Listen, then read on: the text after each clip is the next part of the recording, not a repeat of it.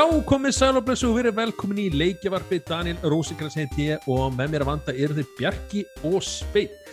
Uh, þessi þáttur er í bóði gimstöðurinnar, uh, gimstöðan er náttúrulega staðsett í kringlunni, þar getið gert núna helstu jólainköp uh, fyrir leikjanördan, það eru bæði nýja leikir, og jável popfigures, spil, alls konar borðspil, gafavöra, fjestringar, snúrur kappar, varningar, jólapeysur og bara you name it, they game it eins og ég segi, nei nei. Uh, já, endilega tjekkið á því og bara heimasinn þeirra uh, og sérstaklega bara fyrir, ég- fyrir mitt leiti sem Nintendo uh, nörd þá er þetta eða helsta búðin. Ef þið hafið einhverju spurningar um þetta þá endilega kíkið við á það. En við ætlum að byrja þáttinn Bjarki, hvað hefur þú verið að spila núna upp á síkasti? Mm, Ég hef svona aðeins verið að hérna, reyna að catch up með Game of the Year dótið sko.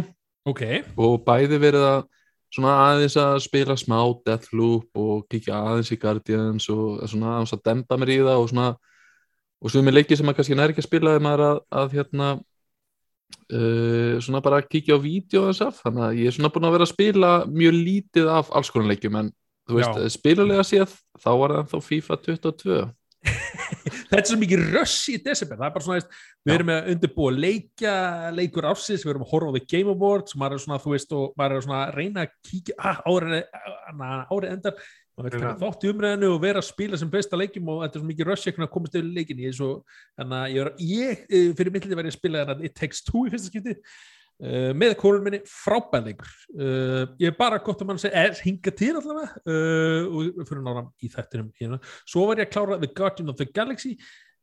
Hann er einstaklega skemmtilegur. Hann er svona alls ekki gallalus ég er svona, eins og segi, sveit tók hann fyrir og hérna, það eru svona mannkanta að mér finnst svona eins og og þetta en, en, en svona, ef þið hitta á góða dýr þá er þetta bara frábær uh, þriði pessu hasar leikur. Uh, Sveit, þú hefur verið að spila eitthvað skemmtilega ekki? Poffit Uh, rétt er, gaman að heyra að þú fílaðir uh, Guardians, mér grunar nefnilega að þið geti haft gaman á hann, hann kom mér hefur mitt skemmtilega óvart þeim mitt Já, og þannig að mæli ég mitt með hann um mitt eins og þú. Ég er enda mest búin að vera að spila tvo leiki. Í fyrirleikurinn er leikur sem heitir Chorus þessi einhvern veginn alltaf las sem Corvus, ég veit ekki ekkur hvort ég var að að eitthvað annað. Þetta er, hvað getur ég sagt þetta er um, flug og hasar leikur, getur við sagt. Þetta er svona, þú ert eiginlega að stjórna gameskipi eh, þú ert auðvitað að spila sem ákveðna karakter er nara en þú ert aldrei að lappand um. Þú sér þetta karakterin úr skipinu hans í okkurum svona cutscenes og söguköflum en almennt ertu bara að spila og má við nefna að það verður fljótlega hjá okkur uh, betri umfyllu leikinn bæði í videoformi og gaggrinni sem ég er að vinna að og þarna já, sem ætti eitthvað svona vonandi að geta útskilt leikinn aðeins betur. Þetta er gert af líklu svona indie fyrirtæki í þýsku sem heitir Fizz Labs. Og þarna ég verð að segja mjög aðtíksverð, ég er búin að spila hann á Xbox Series X-vilni og lítur hann alveg hrikalega vel út. En hann er endur auðvitað á PlayStation 4, 5 vennilega Xbox og auðvitað PC, Steam og Epic Game Store held ég. Og þarna, eins og ég segi, þetta er bara svona skemmtilegur hann líka vel, hann er skemmtilega verla eða hérna, skemmtilega verla ég er það sé eftir orð en hann er minnst ykkur, hann er ekki fullprice leikur á þann hátt að þetta er 35 punda leikur um það bil, svo þetta er já, ég myndi skiska þetta verður 30 dólar leikur í band, einhvern dólarum og eitthvað svona, já, það gefa fólki einhverja verð hugmynd, getur við sagt Mhm. En þetta er alveg samlega drjúi leikur og verður stærlega svolítið forðnilegur. Hann díla vel til skanna hluti, svo betur gerðugrind, uh, trúar ástæki og fleira. Svona, er svona þú fer byrja að kafa dýpri að það er svona, já. Það var djúpur leikur Já, bæði þá, ég minna, þegar það er aðeins pælt í sögunni, það er instinkt karakterinn sem þú veist að spila sem og hennar samband við skipiðina, sko.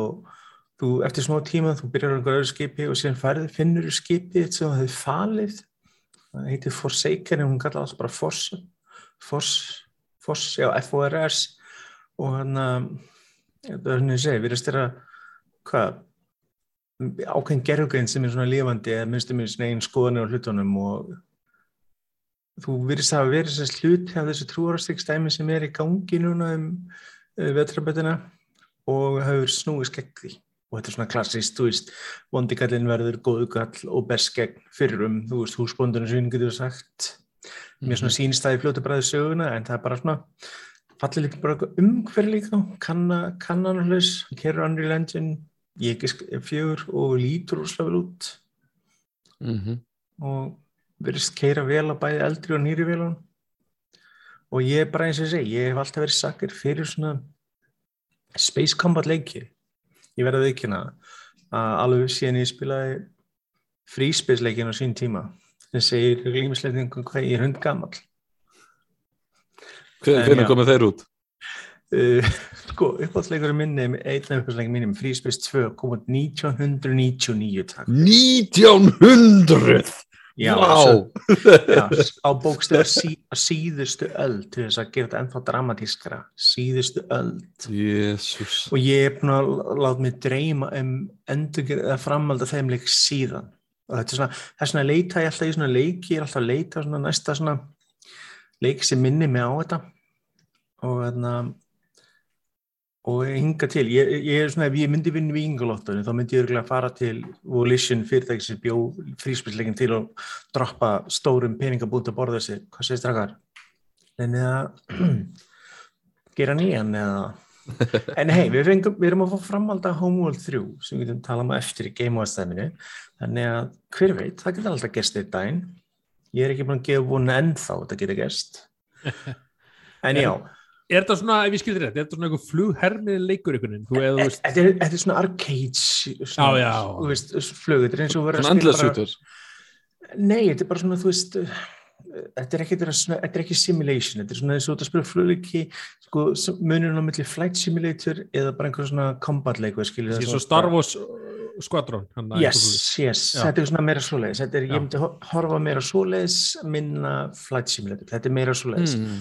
þetta er svona, já stór opin heimur, dogfights og sen getur við líka annarslega stjórna virtist þeirra uh, starri skipum sem getur komið svolítið nýja vitt í þetta sem ég er svolítið forðan að sjá Mhm. og þannig að einmitt er í myndbrotinni sem ég uh, var bjóð til fyrir nördin þá einmitt sýnir að einmitt þegar ég tek við stærra skip og það er alveg einstingað einmitt þetta að að vera að stjórna stærri skip og maður geta ráðist að bæði skip og uh, einhverja svona stöðar sem eru að skjóta á þig þannig að veldur forðilegt að sjá svona hvernig þetta kemur út Já, Þannig- að þú ert bara ánæða með hann.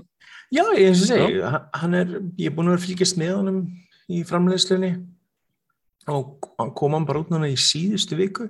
Það er alltaf sérstætt með leiki sem kom út svona í desember. Það er alltaf svona, já, ég veit ekki, sko, alveg svona annar leikur sem ég ætla að tala um eftir, Halo, það kom út líka í desember sem er aðeinsvært. Vanalega eru flest allir stóru til að þau komnir út fyrir þennan tíma. Mm. En ég held að hjálpa til að eins og þess til þá er þetta, ég langar að segja fyrir rétt með það mála að þetta er bara digital only leikur eins og er. Þetta er ekki svo vel known brand, þú veist, það er kannski annað fyrir nýja leiki að koma eitthvað í desember en já, Halo allir eru bara með, með hérna, banana í vassanum að Já, segja er orðið, sko. mjög augljóslega mjög ólíkt Halo og svona, þeir þurfi ekki að miklar ágjur að vera uh, stíg og ternar og þeim augljóslega sko. Nei, nei, En þetta er einstaklega að sjá, þetta fyrsti stóri síndist mér leikurinn frá þessi fyrirtæki og þeir hefðu hingað til verið þekktastir fyrir að gera farsím og spjáltöluleiki.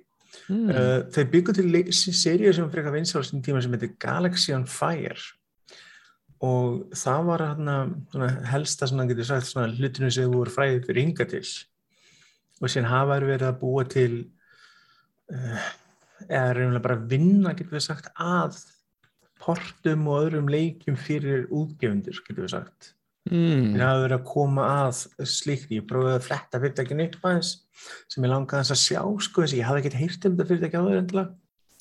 En þetta minni mig líka svolítið á annan leik. Það er leikur sem kom út í, ég langar að segja hitt í fyrra, sem heitir Everspace. Ég veit ekki hvað þið kannast þið hann. kannast við hann einmitt en, Já, eh, hann, er, er með til á PC og Playstation og Xbox leis, og, og, og meira sér Switch. hann er einmitt svona er hann ekki svona stór eða mikill Jú, fyrsti Já. leikurinn, sko, Everspace, það er annan hlutur með þessi báðileikir er sammeil, þeir eru með svona ákveðin rogue elements. Það er aðtíkist nefnilega að þú byrjar í þessum, í Chorus, þá farið valkostin hvort þú velur permata þetta ekki. mm. þannig að það sjálf- sjálfkrafa breytir svolítið mikið eh, spilunni og þú ert bara, eða við þetta bara horfið þegar þú deyrð Mm þannig að, en þú hefur valkostin sem er mjög þægilegt Everspace var mjög basic leikur hann notar rosalega mikið ef þú spilir FTL þá Já, Ever- hann þá var er- Já, Everspace notar svipa koncept upp og hvernig borðið, þú veist, hvernig þú ferðir vel leiðinar og allt svo leis mm. Og sagan í honum var ekkert kannski sterkast í hluturinn. Aftur á móti hef ég aðeins kíkt á Everspace 2 sem er í betapröfunu núna, eða svona game preview á PC og Xbox, en nei, Xbox Game Pass reyndar. Og það er einstaklega að sjá hvað þeir hafa fyllt upp í þannleika með mikið með sögu. Það er einmitt svona, það sér maður svolítið mikið samanbörð á milli einmitt Chorus og Everspace 2 einmitt. Já. En þú hefur ákveðum valg, eins og ég segi, það er fyllt af side missionum, random encounters og hlutum sem getur valið í hérna, sögunni að hjálpa fólki eða ekki og hvað aflengar það hefur. Svo er einsting að sjá svona hvernig það fer. Já, já. En ég er segja, bara hafið augunni opinn á heimasíðan okkar og annars þar þegar við verðum með nánar umfyllin leikin uh, brálega. Þið hafið báðið verið að spila þetta ekki Halo Inf Infinite In Infinite. Infinite. Já, sem Nei, ég, eh, ég hef ekki komast í hann ég, hana, uh, ég prófaði multiplayer einu sinni en hann, já, ég hef Já. ekki komast í hann En þú Bjarki, ertu búin að sækja hann? Negativ. Hvað er þetta? Hann er á Game Pass er ekki Ég var að spila Nuts, ég var að spila Nuts, maður. ég nenni ekki nuts. ég nenni ekki er bara hann, er, er á Game Pass og Xbox líka já, ég þarf Xbox fyrst og fremst einmitt. En hann, uh, já, ég, ég er svo lítill pissinspilar þess að dana að ég, hana, ég, ég einhvern veginn nenni ekki að kíkja.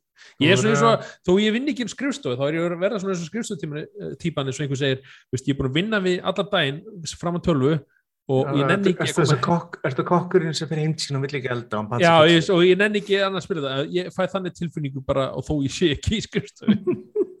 Það var raunin engin afsökun en Sveit, þú ert búin að spila þú kannski fleitur um eins og þeir sem hlusta á podcastdagar þá er mitt spáði ég því og hafði rétt fyrir mér að þegar Microsoft var með rámaðarskynningunum sem var Xboxum daginn í nóber þá er mitt stelfdroppuðir fjölspilun Halo Infinite sem aðhengist er mitt frí þannig að allir geta nálgast hann á Microsoft Store á PC eða Steam og síðan auðvitað Xbox og núna 8. des kom út kampæni sjálft, eða sagan og ég er mitt búin að vera að spila hana núna mitt og ég verði ekki, ég er, er heilunörd, ég er svona típan sem sko las bækurnar, sko, heilabækurnar Okay. ég er í þeim pakkar, bara sem var Þannig eitthvað að kröfurnar hjá þér eru kannski meira en hjá mér og, og Danna. Já, ég, ég hef alltaf haft rosalega gaman að myþologinu bak við heiminn og sögun og allt það, þannig að ég verði ekki að ég alltaf verið mjög heillar af því. Og uppáhalds heiluleikurinn minn er Halo 1 og síðan Halo Reach. Það er uppáhaldsleikinni mínu í seríunni. Mhm. og þannig að þetta er einsinn þessi, sko þetta, ég skal reyna að taka það eins stutt og get, getum svona, svona komið baksögu sem maður segir það er aðeins vegna þess að Halo-serien byrjaði auðvitað sem Bungie serja, þeir sem í dag þekkir fólk Bungie fyrirtækið fyrir helst bara Destiny leikina. Þannig undan Destiny gerðu þeir Halo og Myth og fleira. Og voru einu svona Mac fyrirtæki, byggum bara þetta Mac leiki einu svona Mm það fyrir virkilega landa þetta tíma. En já, eftir Halo uh, ODST uh, Reach fyrir ekki þá hættu þeir, þeir því og letu Microsoft taka við. Og þeir gerðu Halo 4 sem var þóttið bara svona eh, alltaf læg og síðan Halo 5 sem er fast betri. Og núna er stóri leikurinn að koma út. Og það sem er aðeins við Halo Infinite er auðvitað að hann er svona, ég, ég vill ekki kalla hann open world, en hann er svona semi-open world, myndi ég að segja. svona eins og God of War til dæmis Já, vissan átt, og svona það er svona svæði sem eru opinn og Já, það er svona ákveðin svæði, opnast, síðan opnast fyrir með hluti, sko þetta gerist vanlega, heiluleikinni gerast á oftast á svona einhvern svona hringjum, hringheimum. fyrir það sem veit ekki hvað það er þetta er eins og þetta er ekki bara stóra ring og sem setur bara hlut af jörðinni inn í hann, inn í þennan ring. Halo, já. Þetta er svona að kalla ringworld ef Google ringworld þá sér þau líklegast svona útgáfur af þessu, það er til alls konar útgáfur af hvað ringworld er. En þetta er einmitt hluti að serían tekur þetta nafnsitt af því Halo.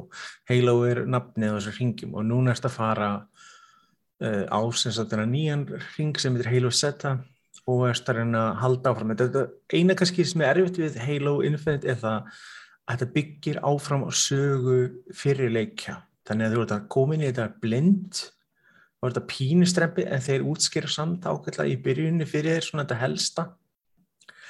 Og þú eðir smá tíma besti, erst í gameskipi fyrst og síðan er þetta kvölungu og þá er leikurinn þegar Ísla kenna þér allt saman og síðan ferðu upp og eða bara fyrsta skipti. Og það verður alltaf verið svona spes í þessum leikjum þegar þú kemur upp fyrst og sér horfið í kringuð og sér heiminn tegjast upp í sólduðringin og fara upp yfir í þess í ringauðlislega og það er svolítið sérstækt en ég myndi segja þessi leikur er svona sko, Halo hefur alltaf haft eitt svona skemmtið, það var alltaf svona frjálst flæði í hvernig þú spilaðar hann, hvernig þú nálgaðist uh, kombatið, sko, þú gast svona þú veist, þetta minnir mér svona pínu eins og hvernig Crysis gerir setna með, þetta er svona þú, kannski sást fullt af óvinnum þú stóðst eitthvað starf annar staðar og gast svona horta og svona, ok, ég get fyrir þessa leið eða þessa leið, hvernig langar mér að tækla barda, það var svona stuð með þess að pínu púsla, þú veist, þú veist bara spila eftir þínum ein leikstíl pínu? Og það verið að yfirferða þetta svona aðeins starra núna, nú er sagt, starra umhverfi, þetta er ekki svona línulega borð eins og svo algengt í skotleikjum, þetta er meira eins og er algengt í þriðpjörsuna hasaleikjum og þú sér alveg glefsur af Far Cry og Just Cause leikunum í þessu getum við sagt. Það eru herstöðar sem teki yfir uh, óvinnir til þess að elda uppi og drepa og alls konar svoleiðis. Og þarf þetta hérna kljást á við ákveðin svæði eða þú veist reynsa óvinn á okkur svæði til að komast? Já, þá er þetta að taka yfir stöðvar sem heitir FOBs Field Já. Operation Base. Þess að þetta er pínu þannig þetta er svona pínu og Just Cause þú veist að taka yfir ákveðin svæði. En leikurinn er þannig að hann opnar fyrir hluta svæðana hægt og rólega.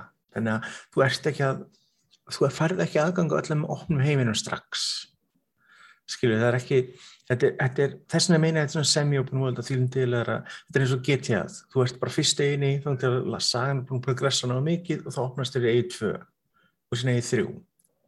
Þannig að þú veist, þetta er til þess að þú verður ekki overwhelmed og fljótt myndi ég halda.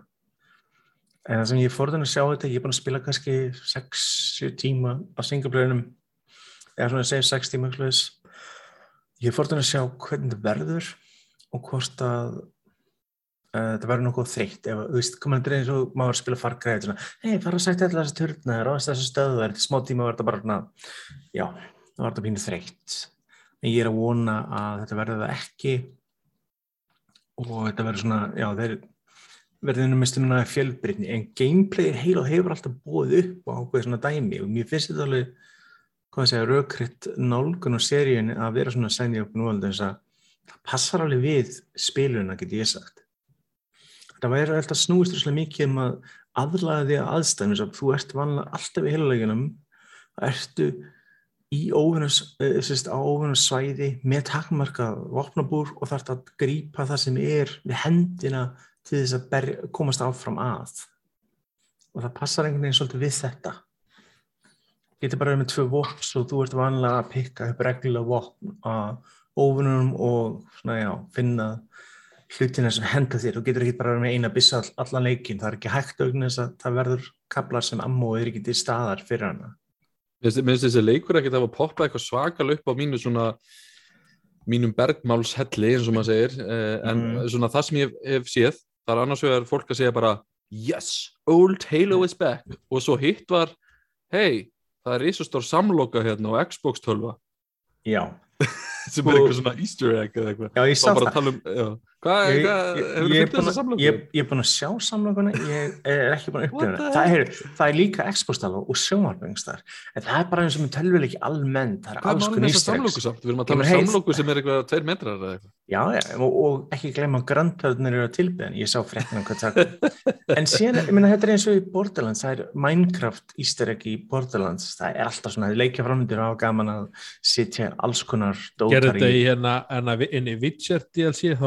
gaman að sitja alls konar gerði dótar þetta í í hérna hérna vi- inn í Witcher DLC þá hann að aukast fara Assassin, fjall ah, já, og síðan var þetta Assassin's Creed brandarinn í Witcher líka.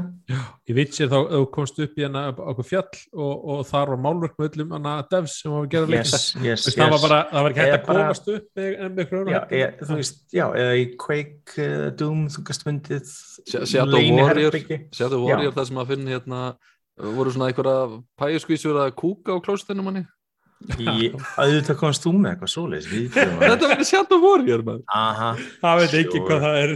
Aha, ekki- en já, það er það skemmtilega við, það er alls konar svona. En ég verð að segja sko, ég, þetta er fyrsti leikurinn sem ég sé sem 343 gera sem ég hugsa mér, ok, þið getur að halda áfram seríuna. Ég held að ef þeir ná að ljúka þessum söguþráðum sem þeir eru að vinna út en er þetta ekki síðasta heiluleikur Infinite Er eins og segja eins og, seinasta Windows. Ú, já, þú veist það ekki, ég já, nákvæmlega, nákvæmlega þess að ég ætla að segja, come on, hvenær er, já, hvenær er einhver tíman eitthvað síðast, það er aldrei svo leiðis Þetta verður allt multiplayer og, og Battle Royale hér eftir. En ég held að þessi Infinite sem er bara átt við heiminn og sjóndurringin Já, en, en ég er spenntur að segja það, það talað mér rámar að það verður talað um að þetta ætti að vera fyrstileikurinn af þremur. Hann er þetta bara gangi gegn strempi en, er svo. endar, en það er endar líka, ég held að COVID auðvuslega hefur neldi framlýslun á þessum og svo mörgum öðrum. Og það var auðvitað erfitt spór fyrir Microsoft að senka leiknum um heilt ár en það var samt rétt ákvörðun alla, alla staði. Alveg 100% og eina sem maður getur fundið kannski helsta núna er að leikurinn er að koma út og hann er fínust að virðist þér ágætt standi svona teknilega séð en það er ennþá hluti sem vantar inn í hann sem áttur að bæta við sem kemur á næsta ári. Til dæmis einna vinsæðasti hlutunum við heiluleikina alveg svo gersleikina og fleiri er co-op að spila gegn söguna er co-op. Það hefur alltaf verið gríðalega vinsælt. Og það er ekki í leiknum eins og er. Nei.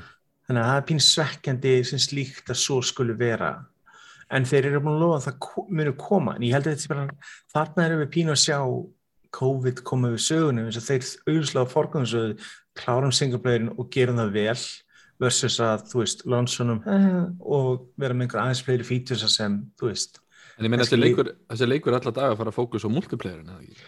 Já, þeir eru þetta, þetta þessi aðtíks þetta er nýja, multiplayerin í heilu hefur alltaf verið vinsat, þeir eru alltaf hlutur sem hefur verið greiðlega stór hlutur fyrir Microsoft og Xbox og þetta er fyrsta skipt sem þeir gefa multiplayerin, bara hann Já. er bara free, free sem standalone útgæð, menn kampæni er teknilega sem flokka sem DLC sem er, þetta er gert þetta með leiki sem eru svona, þetta er svipað eins og með Call of Duty reyndar og leðis. þetta er hvernig þetta er, þarf að vera í teknilega hliðinni, en þetta voru sérstakt. En á jákvæða hlutunum eru alltaf að fleiri spila multiplayer fyrir vikið. Já, og það, er, og það er skemmtilegt að það er fín samtenging, ég er búin að pröfa ég spilaði til þess multiplayerin til að koma út og ég bara downloadaði bara Steam. En síðan lokkaði mig breynum með Xbox-dótinu mínu á leiknum, þannig ég var að fór Steam achievement og Xbox achievement á sama tíma sem var heldur þægilegt. Þannig að gæti fengið tvöfald að verða eins. Já. þannig að það er aldrei leðilegt sko. Ég verð að segja, en það er gaman að sjá hvað Microsoft er búin að bæta PC upplifinu alltaf mikið og þessar samtingi og líka með því núna að leikinu eru available day one á Steam til dæmis.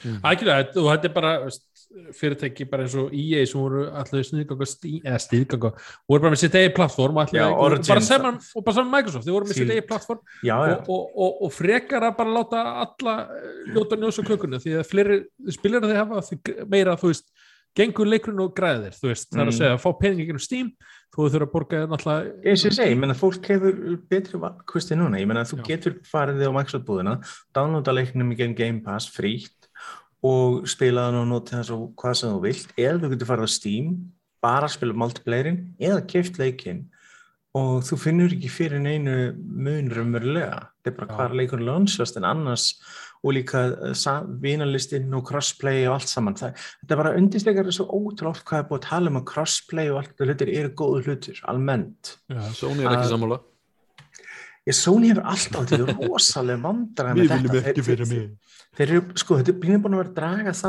inn í þetta, svona sýpað eins og draga Nintendo inn í nútíman þegar það kemur online bara, við- bara, þú veist, öskandi og sparkandi bínir, sko. Já, það vita einhvern veginn að á heildina lítið og mögulega er hendar þessi framtíðastefna þeim ekki nógu vel. Svona kannski bara- svo með Game Pass, svona, veist, það er svona, það er svona píðu, pínu, við neyðumst til að gera það. Kemur einhver tímapunktur sem þeir eru annarkvort sjá, herðu, ok, við erum annarkvort átt eða við neyðumst til Já, að taka þátt þróun. tökum, þátt í þessu eða Já. ekki og síðan er bara spurning hvernig þið gera. Já, eitthvað sem getur um þetta rættum á eftir þegar, já, í frettunum sem er, já. En ég sé, almennt finnst mér mjög fórhundilegt að ég er búin að spila Halo. Ég á klálega eftir að spila miklu meira af honum, bæði online og offline. Og mér finnst þetta, eins og ég segi, mér finnst þetta fórhundilegt. Ég er spenntari fyrir Halo-serinni núna en ég hef verið þó nokkuð tíma.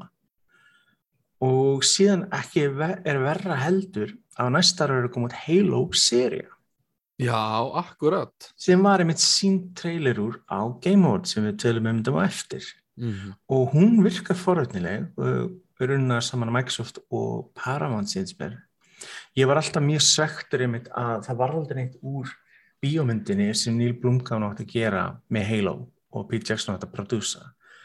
En þetta geti orðið uh, næstbesti hluturinn. Finnst að það er nægur efni við þetta fyrir svona, eins og maður segir 6 til 10 þáttar seríu sko.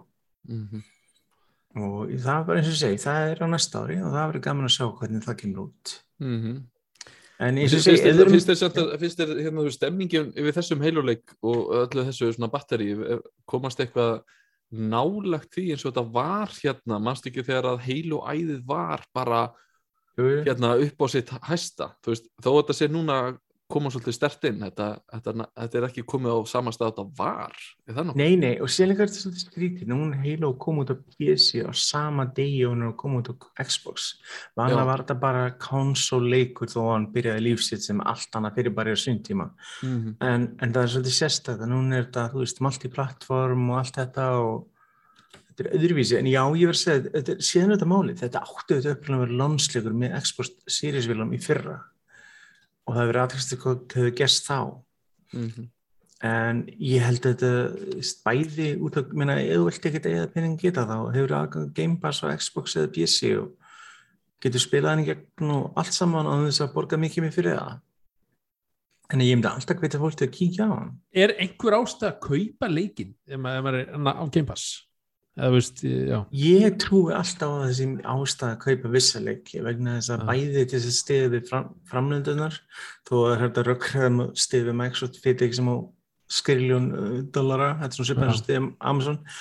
En en jú, En svo náttúrulega eiga, eiga náttúrulega Microsoft þannig að 343 þannig að veist, já þeir stopnuðu þessi stúdíu, þeir stopnuðu tvö stúdíu til þess að taka við Gears of War seríinu og Halo seríinu einmitt eftir að uppröðinlega developernir snýru svo öðru Þannig að þau græðu í raunni bara á því að þó þú sért bara Já, sko, sko, Já. fyrir, fyrir, fyrir, fyrir þeim er þetta bara eins og Netflix er að búið til seríu til þess að, að sem vera hlut á servisni. Þeir þurfa ekki endilega að selja hann á disk, þeir bara vilja endilega að fólk njó, eða neyti efnisins sem þeir eru að láta frá sér.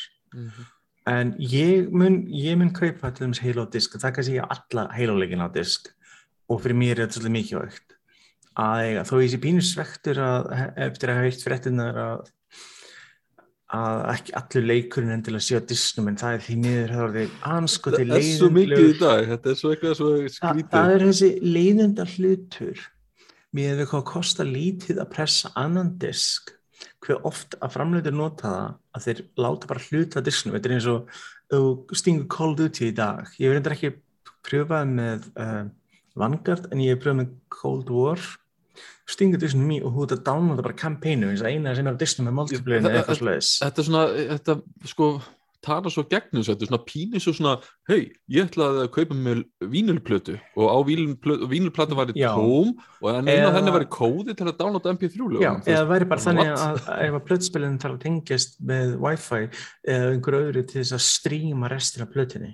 Já, þú, veist, einmitt, já. þegar þú ert að kaupa diskin þá langar þér að eiga hann á diskin Þú veist, eins og þú ert sko, að fá plötuna og viltu fá plötu gæðin Já, sko, þú, nákvæmlega, þú vilt ákveðna hluti sem eru kostir, jú, þú getur downloada leiknum og það er á harddisknum og farir raunlega sam úr því að það væri disknum, en þetta er ákveði preservation líka, þú vilt hafa aðgang upp úr lúkani, alveg saman, sko, það, það er öðruvísi að vera með svona 1.0 útgáfa af einhver leik, þó þú vitir að hann er að patsa og breyta og batna og allt svolítið, ég meina eiginlega 1.0 útgáðanars Witcher á disk er, neðan að Cyberpunk á disk er horror show annað en útgáfun í dag. Ég, ég var ekki að segja ég var betra til eiga útgáfu leiknum í dag sem var með nýjust útgáfunu pressa versus hina.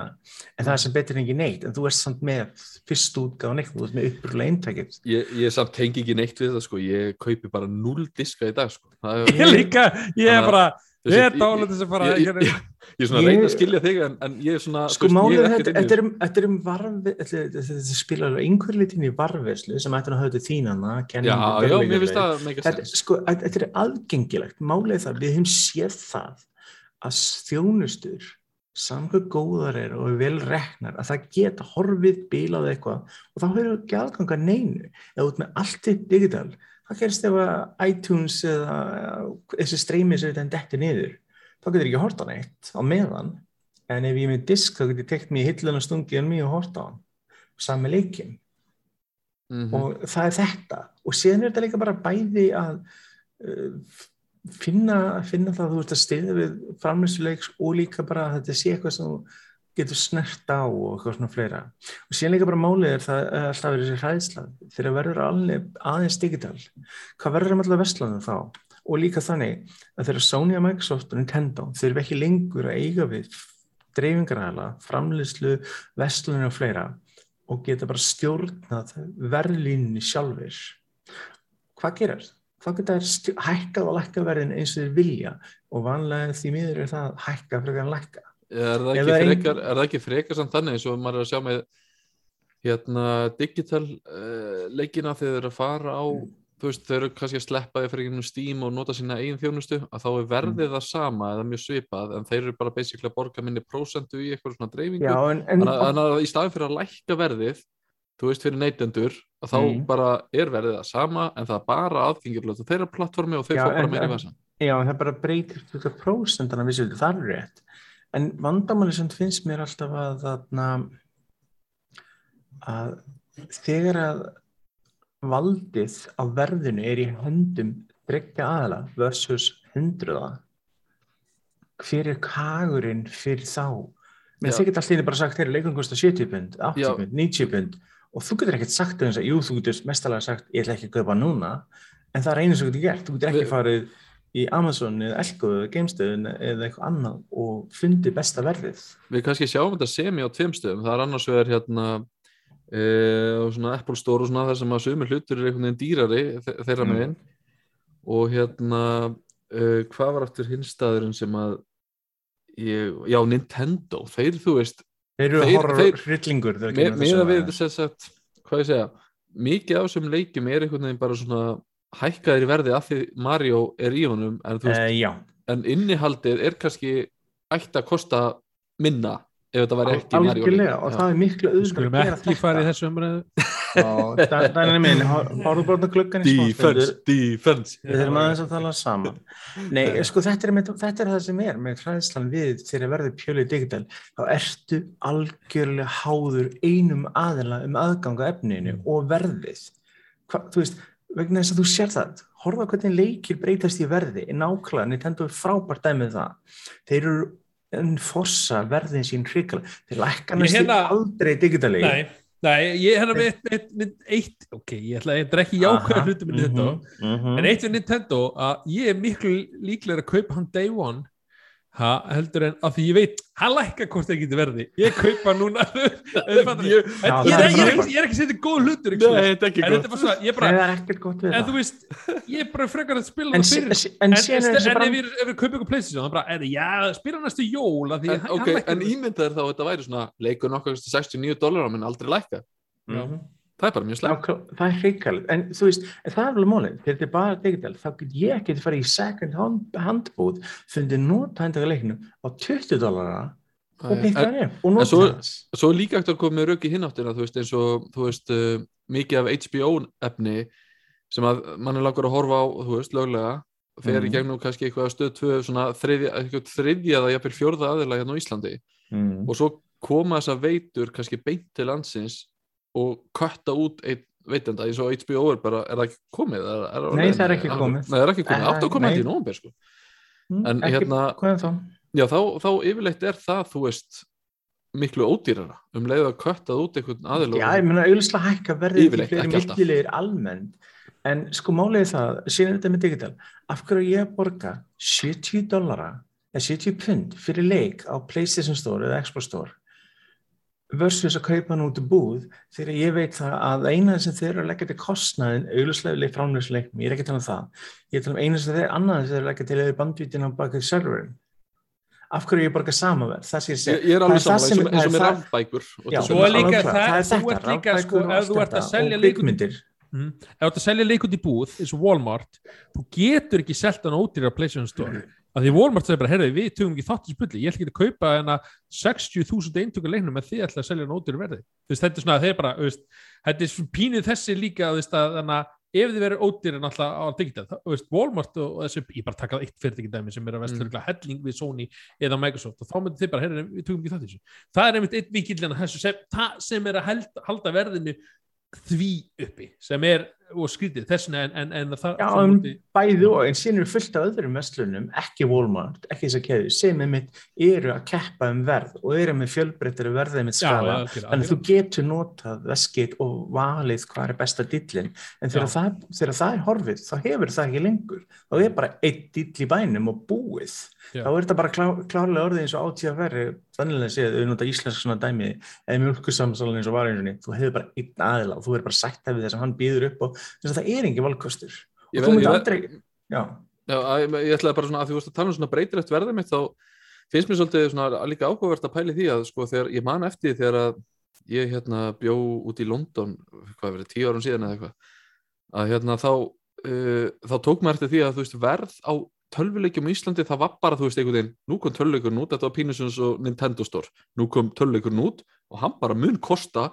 8.000 krónur og það verður bara ekkert rætt það neitt frekar En mér finnst- Verðlækkanir eru skrítið Já. fyrir bara Íslandi. En ég verð að rósa bara íslensku fyrirtækjum finnst mér allavega, ég hef sérstaklega tekið eftir þessu á Elko og geimstöðinni mm. þá finnst mér leikjaverðið vera eins meira flæðandi núna En en það það, þarf að vera líka var fyrir það þessum áratug síðan Það er líka orðið fjölbreyttir verðpunktar. Þannig að Já, og þau er eru og þetta líka að foreldra- við vefverslan Já, þetta er eins og fóreldrar fyrir jólinn, þú vilt geta fyndið leik sem kostar 5-6 úr kall versus eh, 13 skona high-end triple leiksins sko, og þú vilt geta fengið þessa valkosti. Ekki Algjörlega. bara, ég meina það er svolítið strempið með þetta að ég get færið á einhverju jánu útsölu og fundið einhvern leik eða fundið að nota keiftina vini mín með eitthvað slags og og noti þessi jafn mikið eins og ég kefti einhvers annars þar eða ég þarf að býða x marga mánuði eftir að Playstation og Sony, jú, jú, Sony og Playstation eða Sony og þarna, Microsoft eru almennt duglegir í að vera með tilbúð svona fleira. Nintendo aftur á móti er bara þú þarfst að með haglara ennina um til þeir komið með afslátt og þá er hann valla lítill sem engin af þeirra helstu vörum þannig að gangi vel að kaupa einhvern tíman einhvern Nintendo-leika þú veist frá þeim sjálfum á 10 dólar eða Mario 3D leikin sem er ekki til. Einmitt. Svo, já, þetta var, er já, eins og segir, við getum byggja heilan þátt um bara þetta rögg já, þetta var heil og um, umræðan. en mæli með að kíkja á Halo, hann er á Game Pass og PC og Xbox, svo er ekki mikið vandamál eða þið vilja kíkja á hann á þess að borga mikið fyrir hann og multiplayerin er þrýr algjörlega, og bara veist, frýri öll veitum hér sem Steam, hér sem þannig sem bóði bara, Já, hann er ekki, ekki Games, ekki, hann er ekki, ekki Game Store en hann er á Steam og Nei. Microsoft Store. Akkurat.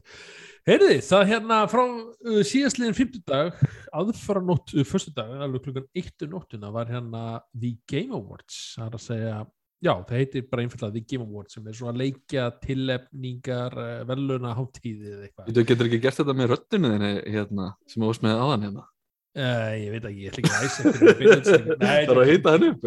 The Game Awards. Nei, ég veit ekki hvað var að segja.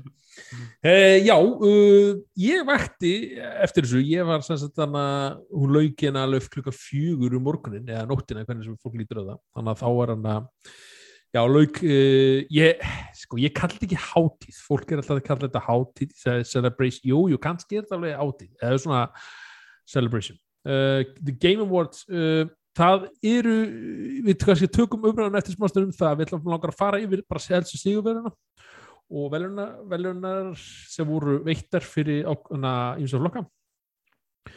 Uh, The Game of the Year eða leikur ásins var engin annan en It Takes Two. Hana, ég, ég glemt að spyrja horfðu þið á kynninguna eða Ég horfði ekki á hana beint að þú veist, mér langaði ógeðslega mikið, þú, við erum auðvitað saman á Facebook spjallu og svona og Já. þú varst að tala um að horfa á þetta beint og mér, mér langaði svo mikið en þú veist, ég, ég bara verða að horfa í speil og segja bara, Bjarki, þú bara veistu, þú verður bara veikur morgun, sko Ég var, ég var dottandi yfir prísjónu og þá ákvæði þegar það var búið bara, ég þurfti að fara að sofa sko. ég gæti ekki Ef vakið þetta var til eftir þessu. tvö, hálf þrjú, ég hefði gert Já. þetta til fjögur í nóttina, ég var ekki alveg að en ég vak, ég- um leið og ég vaknaði á kaffibótli og horfði á þetta sko. Kekjað. Ok, hérna The Game of the Year, það er sem sagt It Takes Two, hvað skoðan hefur þið að því? Það var hérna fleiri leiki Deathloop, Ratchet Clank uh, voru til dæmis steinandi Metroid Dread uh, og svoleiðis. kom ógeðslega og óvart, það er bara ekki hægt að segja annað Ég, já. og bara ógíslega hissa á þessu af því ég, ég held að þetta væri ég meina, Ég- ég elska þennan leik ógíslega sniðut hérna, gameplay og bara get ekki mælt með honum bara einna bestu leikjum ásins klálega Getur ekki mælt með honum eða mælt nóg með honum? ég get ekki mælt nóg með honum, hitt. Það vantaði nefnilega hitt. já ok, ég get ekki mælt nóg með honum en Já. hérna, ég held bara að þetta væri ekki svona nógu big fyrir Ég, sá fyrir mér, ég sá fyrir mér stærri tillana Ratchet eða einhvern annan taka þetta frekar sko. Ég, ég sko, þegar ég sá svona Deathloop, hefði hann unni þá hefði ég bara, come on, þú veist, eins frábær leikur hann er sko, þá finnst mér ekki alveg, alveg the game of the year uh, titill þannig sé. En þegar ég horfði eitt text 2, ég bara, vá, þetta er geggjað, þetta er svona, þetta er leikur sem átti kannski með best þessu skili, hann svona komast á Mm. óvart og er bara frábært í öll að staði með, með hann að réttum partner í gerðinu sko. Þannig að, jú, vissir að koma mér virkilega óvart og ég, ég var búin að veðja á Ratchet Clank sjálfur en, en Ég vil að fossa maður. Já, talandi um það, ég var að hlusta mitt á, veist, uh, á podcast uh, áður að podcast Mm. Forsa er þetta stór í, í, það er engi leikur uh, í hans flokki sem nær hérna þessu, það er að segja bílaleikjum það er engin, mm. á par við hann í þetta árið uh, hann er með hærra Metacritic skor bara flestir þessu leikjum. En samt er fær ekki bílaleikur tilnefndu til leikur ásins veist, hvað þarf bílaleikur að gera? Veist, þarf hann að vera með byssum og veist, eitthvað svona Já, ég með, sko, þetta er frábær leikur, þetta er besti Forza Horizon leikur í mínum andi, þetta er æðislega leikur, ég, ég var að vona að hann myndi fá, ég er verið fórðun að sjá þegar fleiri byrsta Game of the Year Awards sjá sér, já, já, Hva- hvað hann kemur þess að mér langar að hann verði herra s- sett upp en hann hefur verið. Akkurat. Svo hérna komin að best the game direction sem er leikstjór, hvað sem það þýðir í tónleik, Mhm. þá var það Deathloop sem vann þann að sigur og það var bara svip, svip, svipað leikir hana, og, og sem voru veldir í þeim flokki. Það var, uh, já, Deathloop hana, veist, hann er frábær og, og áttulega skilja ykkur svona velun. Já, á já. þessum. Já, ég, eins og segi, bjóst að það myndi taka fleiri, jafnvel, sko. Já, Já. Ég, held, ég held svona ímyndaði með pínu að sem sagt þetta svona uh, game review hype sem að fóra af stað þarna bara strax útgáðu leiksins hefði einhvern veginn náð að smita sig kannski meira inn í velunin sko. Það ég held að líka því sko sko, ég spila Deathloop alveg, ég platinum það, ég klára allt svona þannig séð sem ég hann ég, ég elska fyrir það sem hann er sko, en hann sko, miður í spilun þá verður hann svona endur tekur hann sig og verður Hann svona er, ekki, hann er klálega ekki e- nákvæmlega og, og eins frábær og, og, og það er. En veist, og svo einhver átlega sem gefur títu, ég bara hvernig Já, ég tíu tíu almennt bara veist, vittlisa líka, ég- ég- sko. ég, ég skil það ekki sko, en, en, en ég ætla ekki að gagna skoðan annara en svona er það. En já, ég hef Eh, lengi, persónulega vil lengi verið því að 10-10 skoðun eh, einhvern veginn ætti hreinlega ekki vera til. Nákvæmlega. Uh, best uh, best sögumþræðin af Guardian of the Galaxy Já, ég var mjög ánað með það. Ég, hann er bara kom mér skemmtilega óvart. Já. uh, best score and music sem er bara bara besta tónlistin og það var nýr á hana, rýma, Þú er ekki alltaf ekki að þylja uh, full nafni á nýreiknum eða? Nei, ég var hana nýr 1,2 púntur eitthvað þetta, þetta. Uh, svo kemur audio design sem hann að það var einmitt uh, Forza sem vann það Það kemur ekki neynum úr. Spil þannleik þá, já. Já, vessenlega, ég var þetta búin að ég gískaði á Returnal sem er hana- Annar, annar reynda mjög gott. Ég var held ég, um, ég held ég að þess að, já, leiknum okkar. Já. Svo hérna best performance sem er svona besti svona rattir eða leik, leikjarinn eða leikþáttur það var hérna hún Maggie Robertson sem hann vann það úr Resident Evil hérna uh, átta ætla ég að segja Miss, Miss D. Já, miss, Eh, hérna, Eh, Demetrius Come on. Infinity elskaði hana líka. Já, ég sko, sko ég gískaði á að var annarkvort annarkvort Deathloop kartir því að þau voru frábæri mjög Já, já, sko, þau voru betri leikin en ég held bara með hvað Infinity var rifið af- Já, og mér fannst líka svo á að því Stevie að tala um það sko, og var ekki eins mikið leiknum og, og, fór, og svona einhvern hæpið en, en Það var algjör svekkjasi við þann leikari mitt að hún var ekki stærri. Mér hefur finnst að hún hefði vera rauð þráðin ekki alltaf akkurat. Ég myndi kláraði átt En það kannski, þeir hefðu kannski potið gert það ef þeir vita og væri, og væri svo stór. Já, þeir gerðu sér ekki grein fyrir hvað hún er í vinsalt karakter. uh, Akkurat, Nei, Games mér, for mér, mér, ég held einhvern veginn að Hollywood myndi blandast mér inn í þetta og Far Cry myndi taka þennan hluta sko. Já, bara upp á svona hey, we are so þú veist, að mér finnst þetta oft vera svona hey, við erum svo stórir og flottir og æðislegir mm. það mm. tekið svona einhvern veginn er fannst þetta- þessu sko Giancarlo Esposito er mjög góður en hann er ekkit rosalega mikið í leiknum svo að það hefur verið vastnald að gefa honum mm Verðlaunin, sko. Þetta er svona með leikin er svona, Mér finnst þessi flokkur oftast eh, bara ef ekki alltaf verið bara svona on point eins og var hann að mm. þegar hann á Hellblade hann vann hann og svo fyndi því að hún vann Ah, aldrei tekið þátt í hún, er, aldrei verið hún er æðisleg í alla stæðis og hún er ekki sko mentu leikona eitthvað svona, hún bara fór í þetta og bara gerði allt sitt Datt inn í þetta bókstala og hún bara rústaði þessu Hollywoodstjörnum og öðru tölulega bara, bara fyrir því, bara, bara fullilega. Það- mér, Mm. mér finnst líka líka rosa flott ræðan hjá henni sem að vann einmitt hérna, og bara mjög svona hjartnæm og falleg ræða Já, svona, sem sagði bara að það gjössalega breytt lífin hennar þetta hlutverk sko. Já, hún Já. vissi ekki, ég var að lasa viðtalaðina mynd, hún vissi ekki að hún var að taka þátt í leik þegar uppröðunlega. Að það er geggjað þeim að geta að svona, svona tilningabæði fyrir leikju eða annað að verkinu hérna, komur að hæra plan. Það er svona gaman að, heyra Mm. því. Uh, besti impact, eða nei, fyrir ekki Games for Impact, það er bara áhrifamesta leikun, það er Life is Strange sem miður ég hef ekki spilað. Ég þarf að komast inn Life, is Strange True Color. er þetta ekki mjög þriðji hluti. hlutin einhvern veginn, er það ekki? Jú, ég held það, en þetta er samt ekki gerst af uppröðunlega gaurun lengur. Það er svo Nei, þetta er svona sa- sama konsept já, þetta heldur svona humdufræðin áfram, getur við sagt. uh, besti indie-leikurinn það var uh, þetta Kenneth Bridge of Spirits Já, mér fannst það einhvern veginn svo obvious, ég veði á allt annan leik en ég líka, ég gerði Death Store af því að, af því að hann fekk svo rosalega mikið hæp þegar hann kom út ég, ég held að ég hef gerst það líka. já, það passar, það passar Mér finnst Og pínu hérna- svona með, með að, hérna, þessi leikur að vunnið Kína að mér finnst að taka pínu svona indie feelingin úr indie Já, mér fannst þetta pínu vera. af því þetta er veist, lítill leikur sem vill vera stór og. Fyllir í alla, öll bóksin þar sem að stóri leiki gera, þú veist, þú skal hafa já, svona þið, þið verður að fatta það er ekkert fresh í þessu independent studios bara veist, Já, ég veit, en ég er að segja ég er svona indie-leik þannig að Já. En mér, sko, jújú, jú, ég, mér finnst að ég er búin að spila leik og ég reyndar hef ekki spilað Death Store en, en ég bara gíska það út á Já, hæpið Ég ég heist góð hlut til mann, ég var að vona myndi þetta En- Game Pass, já. ég get spilað það. Þannig að Kína átt álega svona eins og uh, já, það skilist að mínum vendi uh, uh, við erum aðeins að fara hrætti verið aðeins hérna uh, ég ætla ekki að fara í e-sports dæmi því að Og guðana bærum ekki. uh, jú, ég verði að nefna það e-sports Ó. þá það ekki spila, þá var náttúrulega event en að þá var náttúrulega það sem haldi á Íslandi Já, íslenska, Nákvæmlega. Þannig að LOL. League of Legends World uh, Championship það var haldið á Íslandi og það var gaman að sjá það þannig að fá hann að viðkynningu Má, má ekki segja bara Ísland hafi unnið. Ísland vann. Ég held- ég kefti í tveimur flokkum. Nei, nei, nei, ekki tveimur flokkum. Ég held að var bæði með sem var haldið í mass vetrar var tilnæmt og líka þetta. Með, lang, með langar að segja, ég er kannski að fara með, með villum uh, ég best uh, roleplaying leikur það var Guilty, nei það var Tales of Arise sem var vann það. Uh, be, besti hasaleikurinn Returnal um, vann það og besti sem sagt ævintýra hasaleikurinn þá var Metroid Dread sem var það þannig að þeir hérna fengu eitt, eitt í hús hérna eh, Nintendo.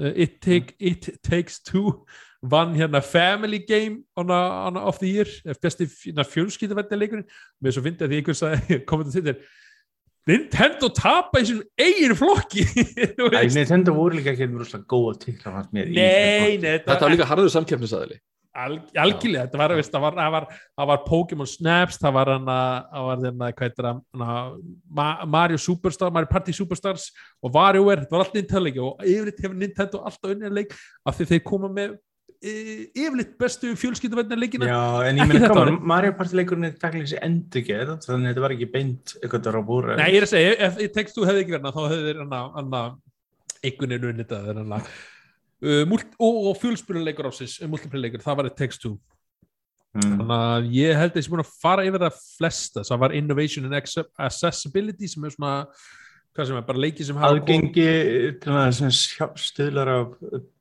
að fleiri Að- að- getur spila leiki Já, akkurat. aðgengileg stillingar Bara- og möguleg blindir og svona alls konar Já, Já. Forza 5 uh, rústaði því klálega. hann, hann, já, hann er líka með frábælega góð Microsoft með það virkilega vel staðið að þeim baka og Nákvæmlega. þeir eru eina fyrirtæki sem er búið til accessibility controller rétt, og mikið lagt rétt mikið upp úr þessu bæði á Ég PC og Xbox eitthvað sem hinn fyrirtækinu mætti alveg taka til fyrir mm, og ég var 100%. hróskilið fyrir þetta Geggjað. algjörlega Uh, já, ég held ég sem að kofra það svona flest svona, sem er svona mér dætt svona helst í hug en, en mér langar svona að spyrja ykkur hvernig nú því horfðu hana eftir og hvernig fannst ykkur svona sjóið og, og, og, og tilnæmingin svona eftir þetta? Æ, þetta er þessu óskarsarlindur, alltaf land og ómikið og ylsingum Já, það sem að mér fannst einmitt svona bara mjög, sko, upplifinu mín, ég veit að horfa gegnum uh, YouTube og þá kom einhvern veginn á hálftíma fresti auðlýsingar frá YouTube ofan á auðlýsingarnar sem voru í Game Awards. Blokk á YouTube. Ég var að horfa,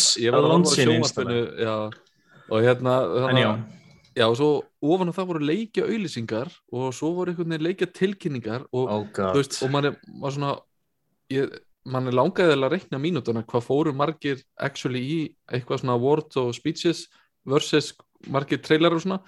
En svo í loki fannst mér þetta alveg verið að komið endalegt rögg þegar það var bara hérna verið að sína nýtt og nýtt nýtt, auðlýsa nýtt og nýtt og nýtt og bara áttaði ekki lengur á hvað var auðlýsing og hvað var að eh, út. Og, þá kemur allt í hennu herðu, já, og by the way, hérna eru uh, svona sigurvegar og nokkuð flokkum. Já, það er þetta, sko, ég þetta, veit- þetta, þetta, þetta. Höldum nú áfram með sínisóttin og Sko, ég veit þú þarft ég veit þú þarft styrtaræðilega og allt það. Já, en var, ég svaraði með leiðis og tímbil að kynnarinni geti mætt út bara með svona eins og svona í- íþróttamenn með sponsored á fötunum sínum sko var mjög gaman að sjá allas að trailer samt, ég við, viðkynni það já, mjög já, ég, alla þessi nokkur nokkur sem kom mjög skemmtilega vorst það sem ég hefur sko mér, svona, ég, ég er algjörlega samleikur og ég hann ætla ekki verið það, ég er alveg að þessu þessu, þetta var bara, já þessi er en, þessi vann þessi vel, þessi vann þessi vel og maður var svona, og, ég, og ég var svona, við höfum svona veðmannuleik kringum þetta, ég var þetta niður, ég hef ekki tíma að skrifa, ég bara, veitum hvað leikur var þetta, hver aldrei, Það sem það er baka, veist, þetta, var svo gert svo hra og, já, já. og það sem hefur svona hugsað með mig, ég, ég, ég passa mig hvernig stálega, þetta er, þetta er búin að vera svona núna þrjú, fjúr ár, þú veist að taka sér ekki allt og alvarlega þú veist, þetta er svona, fattar ég eða veist, Nei, það, Það er ekkert- það er ekki hægt að taka sig upp alvarlega. Ég tek ekki þetta ekki upp alvarlega eins og BAFTA sem er miklu meiri virðingu bak þar. já, og 100%. það er verið að veluna og halda uppi yðnaðinu miklu betur þar finnst mér en þarna faglegra gert sko. Já, og þetta er svona eins og ég segi, og, og, og það má vera náttúrulega gera þetta miklu betur og, og, eins og ég segi, fjóra tíma, þetta er bara nei, þetta eru hvað, þrý tímar og þetta er bara auðlýsingar þetta er bara, veist, auðlýsingar allir tíman og, og, og það er að blanda það inn í og svo kom einhver umræð á Twitter, þú veist, það var svona veist, ertu hér til að horfa á leikitilvinguna ertu hér til að horfa auðlýsingarna ég held að 80-90% var auðlýsingar þú veist, það er engin að horfa, að þú veist sem er svona, þú veist, jú líka það og svo líka þú ert að veita velunin versus þetta Óskar, þú, þú velur Óskarin, þú velur hérna, segjum hann að uh, þessi persóna uh, vinnur Óskarin eða fyrir besta leikþátt og þú ert bara aðtunumöðuleikin opnast hann, þarna er leikja fyrirtæki sem vinnur, þú veist, inna, þú veist fyrir hennar leik og hvað möguleika hafa það? Í, Já, það. þetta er eins og eh, hérna, kommenta á Twitch það segir bara einhver ángríns, fuck kapitalism þú veist, ef við myndum, ef við myndum færa þetta yfir Óskarni mitt, það væri bara eina movie trailer, movie trailer, movie trailer, movie trailer. Herru, já, by the way, þessi vann best actor, best actress. Herru, áfram með þetta, Já. movie trailer, movie trailer. Maður, ah, skulum aðeins slappa af hérna. Já, og svo við fyrir kannski aðeins svona inn í fljóta bræði svona hvað trailer voru síndir þannig að og þeir voru margir. Og það voru margir stórir og mis, já, góðir. Uh, veist, farrætt yfir eða þess að farrætt yfir marga trailerar getum við please byrjað á trailerinu sem við erum allir spenntir að tala um? Já, það er Sonic 3D World það er náttúrulega Hellblade Senua's Saga. Ég minn hvað það var flott maður. Það er geggjað. Þetta er svo trailer sem er bara svona, na, Ah. nú sest þú niður, ég er að sína trailer. Ég gerði Veist þetta þetta- Ég, ég áttur að, síðan konun þetta, Ég, þetta. cool.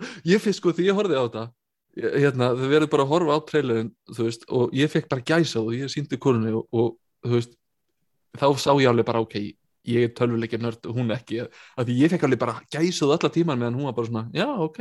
Að ég, ég lendi í svipu þegar ég síndi konunni Matrix dæmið, þarna, þarna interakti dæmið og hún var bara "Eh." og menn ég, og menn ég var bara sjá þetta, sjá þetta, sjá þetta Þannig að í trailernum þá um þetta heyri maður, hún er ennþá auðvitað að berjast við þessa innri rattir og allt þetta þarna og svo sjáum við eitthvað eitthvað, hvað er þetta fyrirbæri sem við sjáum þetta? Rísin, já, risi. já. Þetta er náttúrulega, fyrirleikur gekk út að hún var náttúrulega var að glíma við veiki svona, ég, ég ætla ekki bara að segja geðveiki en- það var psychosis Minna. Þeir eru undar voru mjög flotti hvernig þeir unnu með uh, samtökum uh, geðsjúkra í Bretlandi Já, og, já, og Já. rosalega mikla vinnið sem lögði í það einmitt og karakterinu sem byrtust í, í, hérna, í fyrirleikinum voru einmitt alltaf einhver svona, þú veist, svona eh, einhverja glí, tilfinningar eða eitthvað svona sem, sem einstaklingar að glíma, eða sem var sem Mm. sen á átt að vera, þú veist, hvað segir maður, endurspegla eitthvað svona fattar, þannig að, þú veist þá eftir að koma í ljós hvað með þetta var og ég er svona að segja, þetta var við heyrðum líka íslensku þetta var að gera íslensku Þarna! já, Já, það var einstaklega gaman. Já, maður sagði spjót líka, ég hefði Já. bara þarna.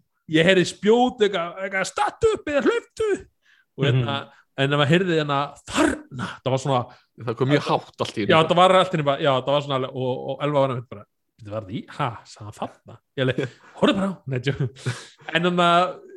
mér fannst það svolítið cool, en samt svolítið skrítið því að, veist, hún talar ennsku og eitthvað svo milli og svo bara, mm Mhm. ég held hún að vera hún vera keltek, keltek Jú, hún er keltnesk og hún var og nú er hún komin í strendur Íslands núna skilur hún íslensku nei, just, ég kannski er að taka þetta alltaf mikið inn á mig veist, við- sem íslending sko. Veist, þegar ég, Mm. þegar ég berið saman með God of War þá voru þetta svona, þú veist, ef að God of War þá að tala um íslensku, þá voru svona, þau að reyna að tala íslensku með en, enska reynum, Mm. en, en einu því leiti þá hérna, veist, voru þetta forrið, þarna var þetta bara hérna, þannig er fólk hérna, talar Já, en ég fannst mér, ég held að Assassin's Valhalla gerir einna best íslensku en það voru Já, af íslensku leikurum mm -hmm. og sem voru þau líka með svona emitt slæmar útgáfur af og ég hérna ég held, einu sem ég segi við leikinn sko, ekki að setja á trefn ég, það, þeir hafa sko erfitt að fylla upp í hana það sem eitt gerir fyrst mér að því eitt er það frábær mm. og skildu spilunum fyrir alla það sem hérna hafa verið gaman tónleikum og já, það verður erfitt að toppa eða bæti það og, og pluss Mm. það, ég held að sé ótrúlega langt í leikin, ég held að sé að við erum að sjá brotunum 2024 kannski þú veist. Nei, þetta er á næsta ári félagi Nei, er það?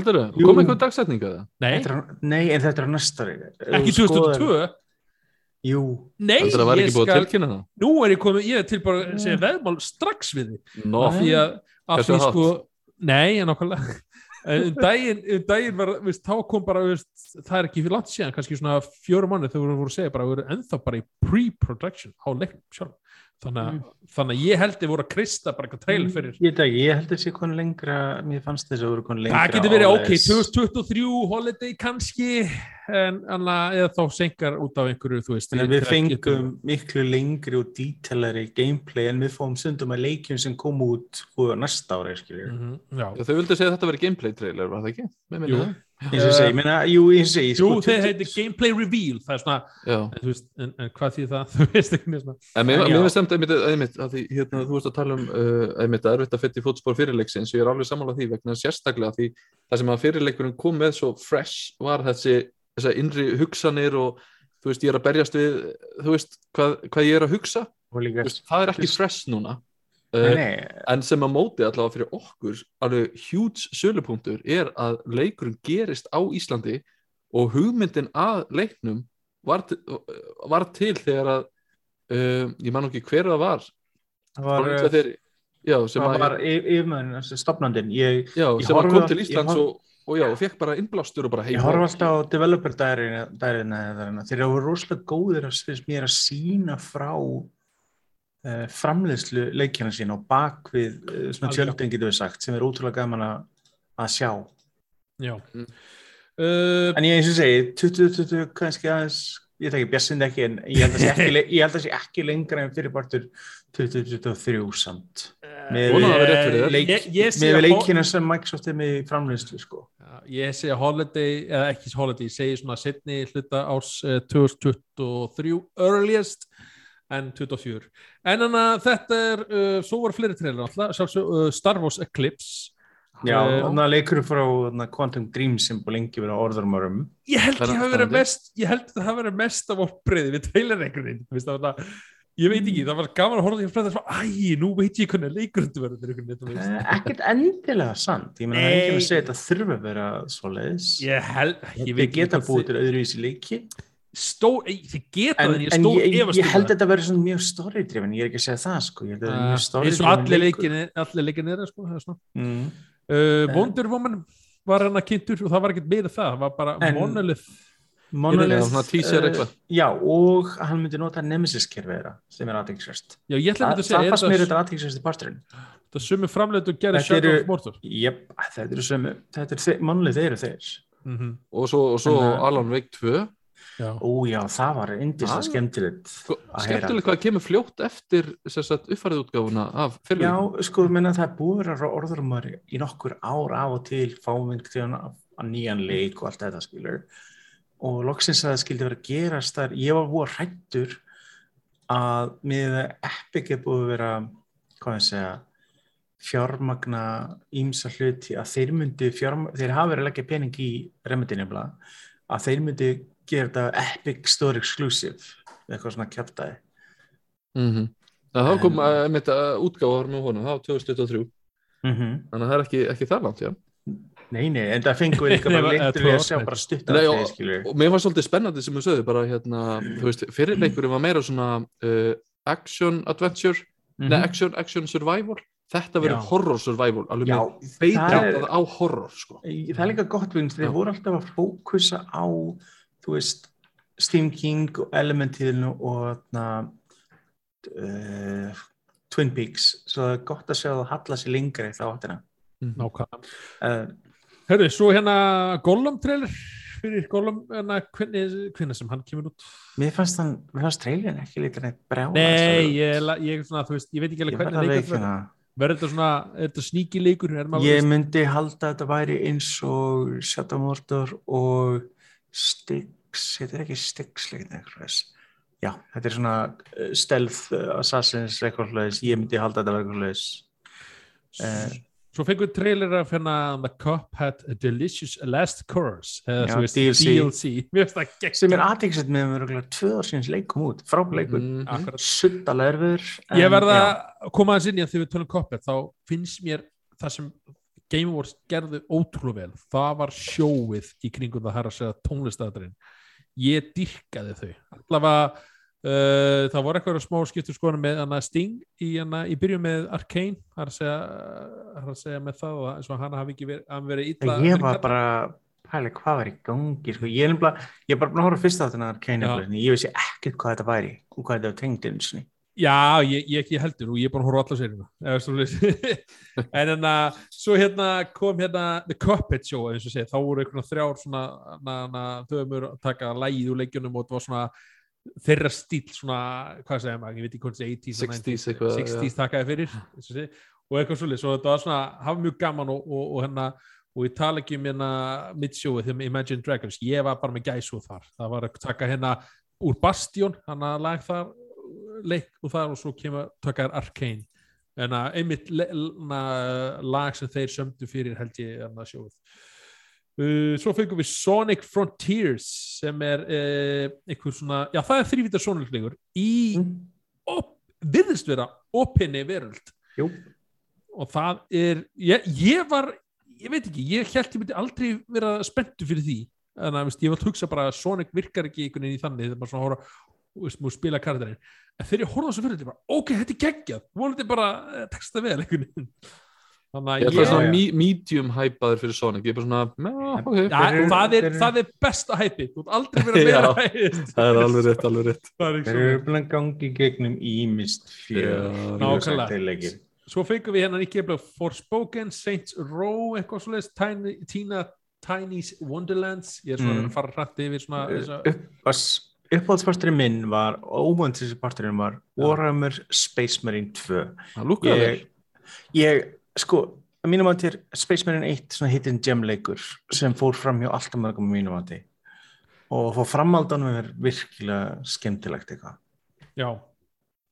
Ég, já, það kekja hér ég eitt félag minn sagði bara, hey, guður, þú sjá þetta ég bara, "Eh, ég veit ekki hvað þetta er þú veist, ég, veist, veit hvað þetta er en ég veit Warhammer en ég var ekki að tengja við hæpið í kringum leikin mm. uh, láta nú okkur sjá, svo vorum við Among Us VR er að koma út.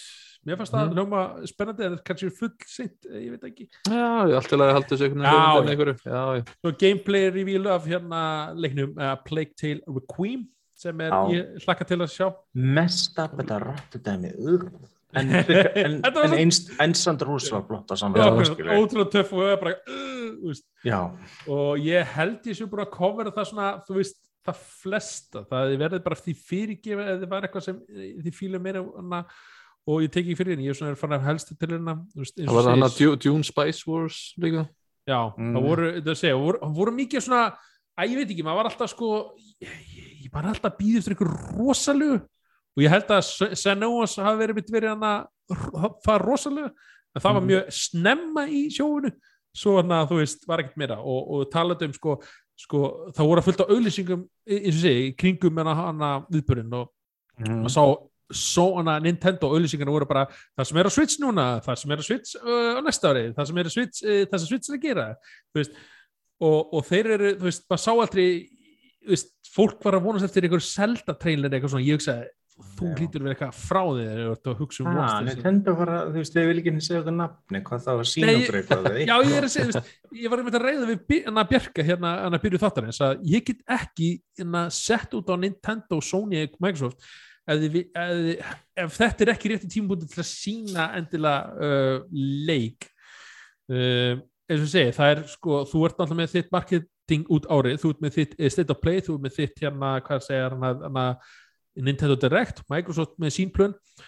Og ég get ekki sett út það að ah, Nintendo síndi ekki út Zelda. Þeir, veist, það, veist, það virkar ekki alveg þannig fyrir mig af því þeir eru náttúrulega þess að segja veist, þetta er bara meira þeir svona að gefa svona Jeff Keighley eða, og þetta sjóu bara svona ég er með trailer fyrir þið og, og eitthvað svona fattar við feng, höfum held ég einu sem fengi hérna að sjá hérna eitt Zelda trailer. Þess vegna er kannski fólk alltaf vonast eftir Ekki því verið komin tvö ár sem við fengum að sjá hana. Ha, Er ekki verið komin tvö ár sem við fengum að sjá hana var það ekki í, í þrý núna? Þetta var Ég held það líka bara fólk vilja, þú veist, uh, þú veist, það er bara spennt og vill fá bara von Bara langar að vita að vonina bara. eitthvað, skilur Já. eitthvað. Já, algjörlega en, ég segi alltaf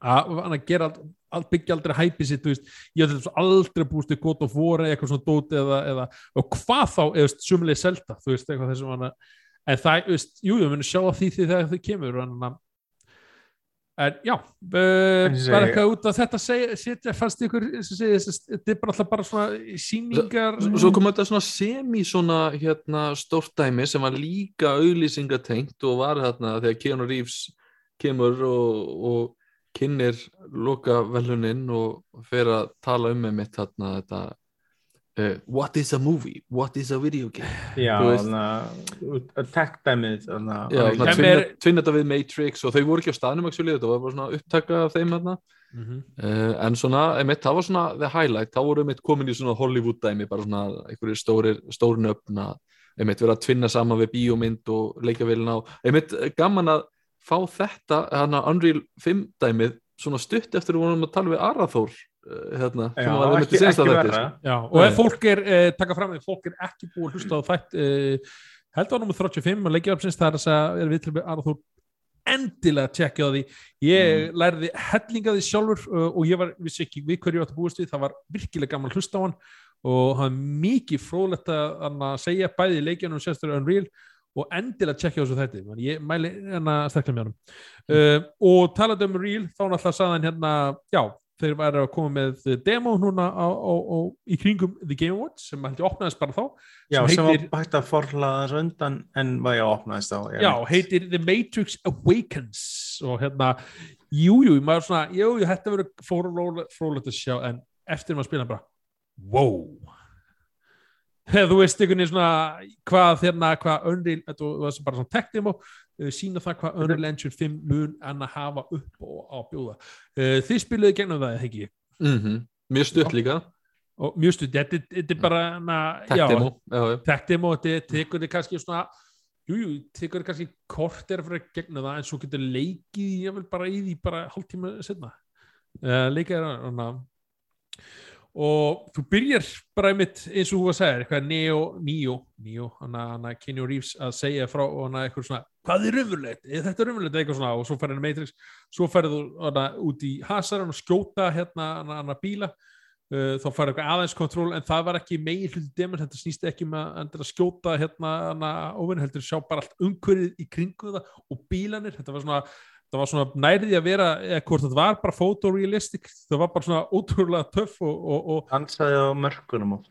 Og- já, og, og, og bara geggjað og sjá bara, veist, gler, þú veist, það er að segja uh, þú veist, á endurkast frá byssukúlum og springingum og maður sér það í bílum að þetta er bara ray tracing í bara í sinn bestu mynd og ég var ég svo segi, virkilega hrifin að því og, bara mjög spettir því hvað þannig að já, framtíðin við byrja skoð með sér. Mm Þetta er einmitt, maður er svona aðalega í einmitt þessari svona bara borg þar sem maður er, er svolítið að getur í rauninni, maður er í rauninni bara myndavill, þú veist, maður er að lappa um og skoða og fljúa um og eitthvað svona. Og mér er svolítið gaman, ég veit ekki hvort það átti eitthvað við stillingarnar í, Já, Eh, ég fór í gegnum allt saman með. já, þá einmitt er þetta að sjá, þú veist, bara hvernig eh, já, öllu hlutunum er raðað saman eftir því bara hvað er verið að skoða, sko Þetta er svona Mm. meira sem að þú ert að pæla í kannski ert að bara nota Unreal eða Já, þetta hefur verið á- sína eins og þetta Nanite og Lumen og alla þessar hluti Já, sem flestir veit ekki inn um hvað við erum að tala um en þetta er þessi já, tækni sem Já, fyrir ekki þau? já, þessi tækni sem er keira leiki næstu árin og við höfum Mhm. svona fengið þessu glefsur af frá Sony og Epic og svona hinga til Já, getur með leikið til þess að stjórna hvað sólin er og getur séð hvernig skuggarnir varpast á þú getur farið á nokkra staði og slögt bara og rauninni breytt uh, yfir í nótt bara á einni sekundu og hvernig það hefur Mhm. áhrif á borgina og flogið um og skoðað og, og hérna breytt hvort það sé mikil eða engin trafík, hvað mikið af fólki og svona og svo Mm. getur einmitt bara að fara að leika, að fara í einhverja bíla og þá fekk maður alveg bara, oh my god, hvað ég langar að grænda þetta Auto 6 Bara- Þetta- Ég fekk þetta er alveg svona- svoleiðis, sko. Þetta er svona hlutur sem allt í hugsa með sér já, ok, þetta er, þetta er, þetta er einn af fyrstu stóru next-gen hlutur sem eru sem maður hugsa með bara og vá, ok, það er hægt að gera aðeins hluti með þessu nýjum bjálbólnaði og kraftmeri og allt það Mm En þú, svo, svo fór maður alveg að testa þetta sko, ég fór alveg að leika með til þess að fara eins hátt upp á í gat og snúa mér átrúlega hratt í ringi skilur mm. og þá, þá sá maður alveg svona tölum maður svona Væri við til að stoppa núna? Væri við til að stoppa? Já, ég meina þú veist þó þetta, þess að segja, líka, ég var að horfa á Digital Foundry og þau voru að taka þetta í gegn Mm. ég meina freymið er á góðum degi 30, annars, veist, öll katsinu 24 rammar Þetta hí- Ég- híkar stundu við mikið álag Já, ég meina þú veist, til að geta í 60 frames eða jafnvel herra þú myndir þurfa sko stórfenglega tölvi sem jafnvel leiketölunar eru ekki nógu góða til að gera. En þetta Já. gefur svona glefsu á hvað er hægt að gera með tækninni og hvað hæfileikar ekki framlendur geta gert.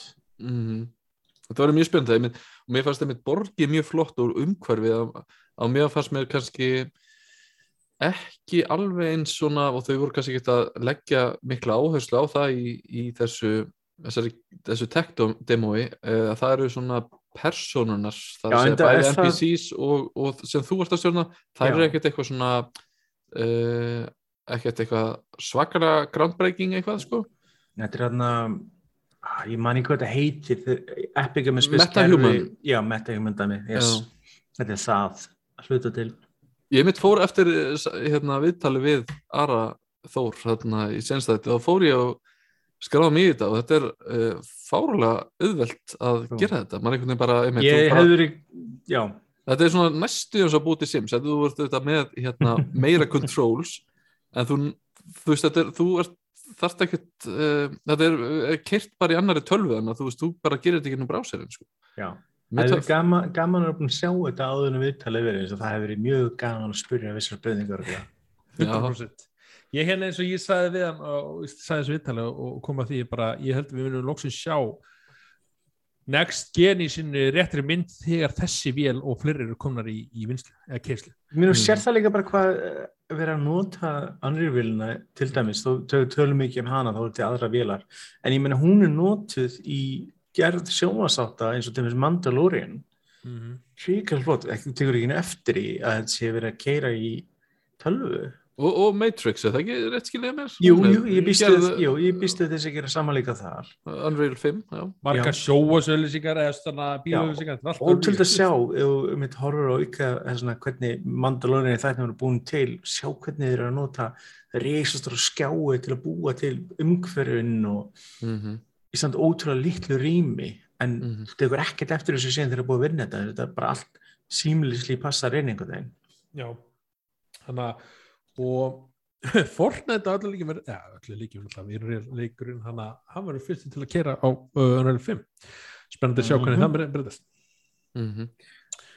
Uh, já, eins og ég, ég, mér finnst þetta frábært demo og bara hlakka til og sérstaklega sko, ég veit að þetta náttúrulega er tech demo, hann þeir eru náttúrulega nýtt að veist, öll effektin í öllu sviðum, þú veist, á Þetta saman var tíma. þetta að gefa manni góð hugmyndum Já, veist, akkurat, það er, hægt að en gera. svo er spurning hvað, Þetta er hvað ekki leikja, leikur í Úlsla. hvað, hvað leik, leikjafræður hafa mikið tíma í rauninni til að búa til, veist, uh, fókus á þessum, þannig part í þessu leiku og svona, að Mhm. kemur ljós uh, já, svo að láka rétt að fara yfir þannig það komu fréttir í vikunni þannig að Sony uh, eru með, sagt, eh, með að lag upplýsingar og bara frá mismundu fjölmiðlum að Sony eru með svona Game Pass kerfi í bíkjart þeir eru að vinna sínu Game Pass viðskiptumóduli sem á að koma út samkvæmt þessum upplýsingum uh, er rétt, uh, næsta vor 2022 þannig að það verður áhugavert að sjá hvernig það kemur hvað, hvað segið þið um það? er það eitthvað svona mikla Það kom vendingar? tími til að þið myndi bregðast við Microsoft þess að. Microsoft er búin að vera að rúla yfir það fram og tilbaka í þessu. og ég held að þessi bara, sorry, bara heldur seinir í þetta partí þetta Já, verður og ég var hrættur um að þeir fylgi, gerir þetta ekki nógu vel, ég menn það er búin að tala um að það verði mismund útgáfur, PlayStation Plus, eins og Microsoft er með því sínu servicum, en Já, ég er bara svo erfitt, sko, Sony, þeir eru með frábæra leiki, en þeir eru ömulegir sem þeim að fylgja eftir nýjum hlutum og tækni og þjónustum. Þeir byrja ókslega vel og síðan fyrirrað upp hjá þeim með þetta eins og þeir missi áhugan mm og síðan bara, ah, ok, við gerum eitthvað annað. Þess að ég er mjög híkandi, ég til þetta geta verið góðan hlut já, ef þetta verið vel gert. Já, maður sem maður horfir stert á líka er, þú veist, leikjórvalið og verðið.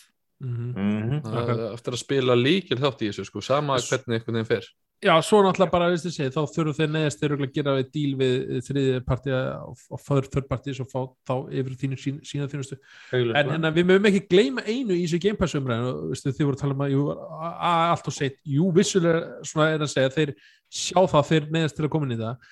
En þeir hafa öruglega eins og ég vil hlusta öðru hlaðvarpum og þeir voru að hugsa sko, Sony er mikið hliðlinni því annarkvort er, er þetta Microsoft, er þetta uh, En sko, fyrir, munurinn samt- nei, nei, nei, fyrirtæki Ok. það er bara eitt fyrirtæki sem getur feilað, eða ekki feilað þessu heldur svona á peningin ef þetta gekk ekki upp, það er einn aðli sem á sem að, ok, þetta gekk ekki upp við þurfum að snúka og það er Microsoft Mhm. Sony er eiga veist, hana, er eiga ekki hérna þennan þeir, bakland þeir get ekki gert það, það er málið, þeir get ekki sagt bara 20, 100 miljónum dollara í þetta Já. og þanga til þetta byrja að ganga upp, það er málið. Sony hefur, á köplum hefur verið bara mjög tæft hefur sínt sig og þeir hefur þurft að breyta businessinum sínum og kvikmynda uh, og, og tækniframleyslinu sinni. Mm -hmm. og þannig að þeir hafa ekkit þetta superbæti, þeir verða að treysta mikið á aðra líka. Akkurat, þannig að þeir hefur verið svona núna að höfðu að hugsa, ok, þetta er að ganga upp í Microsoft, uh, þeir eru væntilega með einhverju útfæslu í, í huga, hvernig sem hún verður. Uh, ég hugsa þannig ef, ef þetta væri eins og sé ef þetta væri einhvern saminu pakki þannig að það var að tala um PlayStation Now eins og það er og PlayStation Plus. Mhm.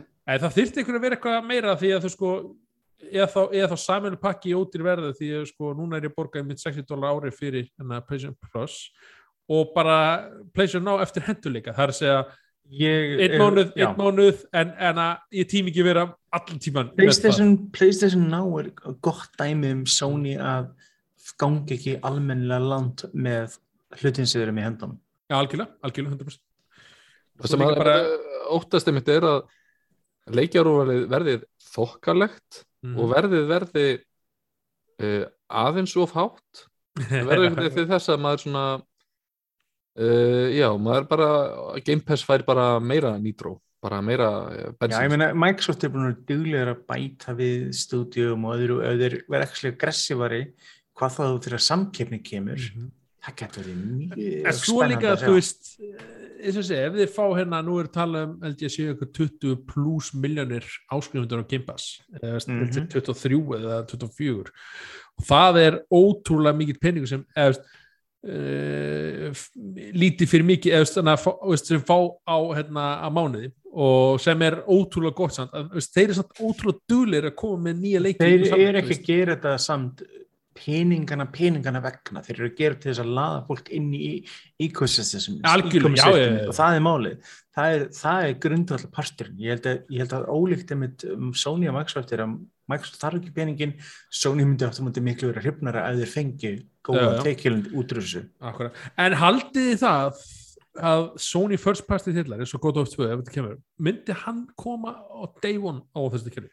ég held að þið þyrftu svolítið að gera þetta. Já, ef Ef þeir þið eru ætla að spila þeir leik- ef þeir ætla að keppa alvöru við Já. og það verða þeir að gera það. Þe þeir eru það mikið eftir á þeir verða að koma eitthvað svona ekstrím spennandi sko já, já. og Það, sem, er- það sem Sony hefur fram með Microsoft einmitt á þessum tíma þegar Spiderman kemur út eitthvað þeir að selja 20 miljónir tök á hannum versus, uh, já, ég veit ekki hvernig það var hjá Xbox, það er svona, eins og sé, það er að koma kannski 8 miljónir eitthvað, þannig að Já, ég, ég er ekki að segja 20 miljónir einn en á day one, alls ekki, ég er að tala um, þú veist, á, bara á, á lífslinni, þá er Spiderman búin að, þú veist, þetta eru 5-6 áskýri, það er, það er peningur sem er fáin í day one, þannig þeir eru mitt svona að vera að treysta þetta bakla hjá sér, fá kassa mikið leiknum inn veist, hana, og, og náttúrulega fá þannig að fá velgengna leiknum til að geta nýtt kannski í, í, í fleiri þróunastörs innan Sony og hann en, en, en, en, en svo kemur aftur móti Game Pass, þú veist, þú ert að fá svona málum þykir, svar voru lítið fyrst. Bara, veist, og margir hugsa bara þetta er aldrei að fara að ganga upp og með, en, en þeir, þeir eru mitt sjá sér núna knúna til þess að veist, já, til þess að fara þeir var ekki, þeir var ekki að breyðast við þessu, það var ekki einhver ástæð til algjörlega, algjörlega. Þetta, Þannig að- þetta, þetta er líka bara einhvern veginn næsta þrep í því sem að virðist alltaf koma í leikja heiminum eða er þetta fari yfir í svona næri Netflix heiminum svona saman hvort að segja að downloada í tölvuna eða streyma beint af hverju öðru tölvum í framtíðinni og svona Akkurat. Uh, þetta, er satt spennandi einhver síður. Ég er mjög fórveitur að sjá hvernig þetta verður og, og, og þeir þurftu þá að kynna þetta, voru þetta bara að snemma á næsta ári. Uh, já, ég er svo mikill hálfviti, ég er tilbúin að borga Nintendo fúlg og fjár til að kaupa ykkur að spila Ah, eldgafla Hvað Nintendo er þetta 64 að leiki. meina? Þannig að sambarlega ég- ég- þjónustu já, ég kostar verð- það þúsund þúsund Ég- pund á mánu Ég verð samt að segja það, þú veist, að þú veist, eins og þú tengir svaka við Nintendo og þá, veist, mitt retro dæmi var, já, ég man hérna eldgömlu PC og IBM og Gameboy líka, ég fæði mikið retro úr því, en þú veist, uh, krakkar í dag sem eru, þú veist, otnir fullotnir, uh, þeirra retro stöf er PlayStation er 2. Playstation, ég veit það, það er veist, það er Playstation þeirra retro heimur, sko. Þannig að uh, mögulega... Þeir getur hafa möguleika en bara munur fylgja í nógu vel eftir það verður spennandi hluturinn fyrir snennefla Já, já. Já, og ef þeir, sko, ef þeir finna eitthvað þjónustu, hvernig sem þeir fara að gera og þeir eru með byggir, að fá fleiri PlayStation 3 leiki inn í, inn í þetta system og eitthvað svoleiðis. þar er, sko, þar er mesti potential limit vegna Já. þess að það eru allt og margir Playstation 2 leikir sem eru ekki aðgengilegir Akkurat. nema bara Playstation 3 og Þeir hafa verið bara þurft að rýmast það og eiginlega, hvað, sko, eh, hvað þá þeir færi annar hluti sem Microsoft er búin að rústa þeim í er að þeir að gera það verkum að leikinu keira betur, líta betur út Já, ef Sony myndi gera eitthvað þetta ég verða margir Playstation leikir sem líta ekki vel út tímann. muni að gefa út einhvern PlayStation 5 Pro og það verður svona þeirra áherslu að gera þetta.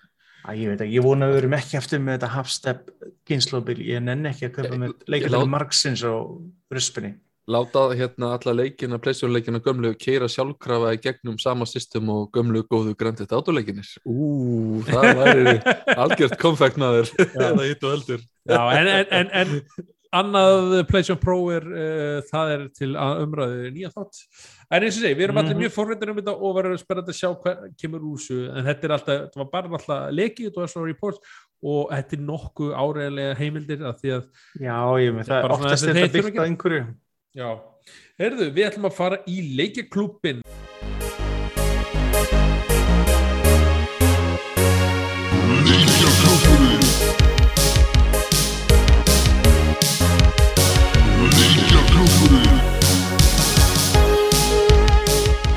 En hérna Nuts Það er að segja var, uh, þetta er ekki íslensku leikur en það var íslendingur, en það er ekki íslendingar sem komu að leiknum. Uh, þetta er sem sagt uh, í rauninni þannig að þú veist það er ekki fyrirtæki sem að gera leikinn heldur það eru fimm eða sex sjálfstæðir leikja hönniður og töluleikja fólk sem að Já, ok. þetta er svona samstarfsverkefni. Mm. annars sem þetta er bara þetta er eins mikið indi og mögulega hægt er sko.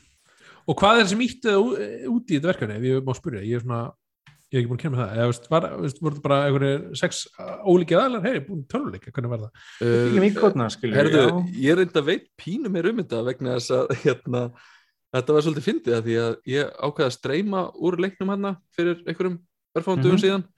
Og hérna og seint í streyminu þá kemur einn af görunum sem að gerði leikin og segi, hei, vildi bara eitthvað kíkja? Og þá hérna var þetta samstagsverkefni sem við gerðu árið 2017 eða 18 eða eitthvað svo leiðis fyrir viðbjörn sem að, er svona game jam Já, Já, þá, þá er með, ertu með eitthvað svona þema og þú veist, þú veist, fær svona pressure bara, hei, þú verður að gefa eitthvað frá þér núna fyrir saman hvort er líka betur að vera já, og ég man eftir að ég spilaði þetta á viðbörðu sem heitir uh, Isle of Games vil ég segja, sem er Mhm. svona að vera að sína rauninni bara tölvuleiki í alls konar samhengi, það voru svona í listrænu samhengi og bara svona í öðruvísi ljósið, þú veist, það verður að halda tölvuleikja, tónleika með að vera að spila tölvuleik, þá verður að þú veist, uh, spila einhverja tónlist undir tölvuleikjun eitthvað svona. Og það er mjög svona áhugavert og skemmtilega viðbyrður og þau sem sagt heldur áfram með þetta verkefni og þróuðu svona greinlega uh, einhverja sögu kringum þetta vegna þess að í þessu hérna, demo sem að hægt að prófa, að prófa á Isle of Games að þá var í rauninni þetta kamerusystem, þú varst með eitthvað kamerur sem þú Mm. gast sett upp einhvers þar í skóginum, svo gastu farið og kíkt á skjáin og séð hvernig myndirna liti út. Þannig að þau hafa farið gengið einhvern veginn lengra með þetta bara í einhverju samfunnuverkefni, ég veit nú ekki hvernig þau kynntust öll um, að hérna og byggur til svona sögu í kringum þetta og af hverju þú ert að setja myndaviljar hér og þar og eitthvað svona. Þannig að En, en ef mér skilst að þess að verkefni leikurinn hafi svona uh, stjórnstöðinu, svo má segja, hafi verið á Íslandi. Ok, já. Já. og hérna, út, já, þú kannski fræði okkur aðeins út af hvað leikurinn mitt gerir. Þú ert að planta kamerum einhver ástæð baka það? Uh, já, en að bara nummer eitt þá hérna, það sem að kannski svona dregur marga að leiknum er bara lúkið á honum, af því að þetta er svona uh, Mér flott, Mér líð- mér líður eins og- sko. Mér líður eins og ég sé einhver, uh, einhver weirdo að því ég er alltaf að tala um litapalettur í tölvuleikum en það er mjög fallið litapaletta í þessu tölvuleik. Uh, og hérna bara mjög grípandi en svona ok, það er svona fyrsta sem grípum hann uh, hitt er sagt af hverju ertu að þvælast um í skóginum? Að það er, þú ert einhver rannsókna manneskja sem að uh, ert fenginn til að fara í skógin og rannsaka ferðir íkorna og þú gerir það með því að þú ert með hérna, eina myndavel og þú staðsetur hana ákveðin stað sem að þú hefur fengið hintum að, að þarna er ykkur íkorni og svo skilur hann eftir, ferði í svona traileriðin eða hvað þetta er og ítur á rekord og svo horfur á upptökuna yfir daginn. Og út frá því þá staðsettur myndavelina kannski annar staðar næstu nótt og svona vinnur þið áfram þá til að átta þið á hei þarna er íkornin að fara. Já, þú veit sem þetta Anna mynda, mynda hérna einmitt för íkonans í þá leið sem hann fer. Já, hann ert að- fer alltaf sömu leiðina ekki? Jú, alltaf sömu leiðina. Já. og þú ert í rauninni bara, einmitt, það er bara svona hei, hvert er íkornin að fara? Akkurat, og, og, svo hérna tvinna svona alls konar í þetta þú veist, fyrst, fyrsta svona verkefni þá ertu að fylgja ákveðnum íkorna og þú ert að nota eina myndavél, svo ferðu tvær myndavélar og þá getur þú staðsett þær þú veist á mismunandi stöðum og þú veist að skoða á tvo skjá á sama tíma þú veist að spóla fram og aftur og svona.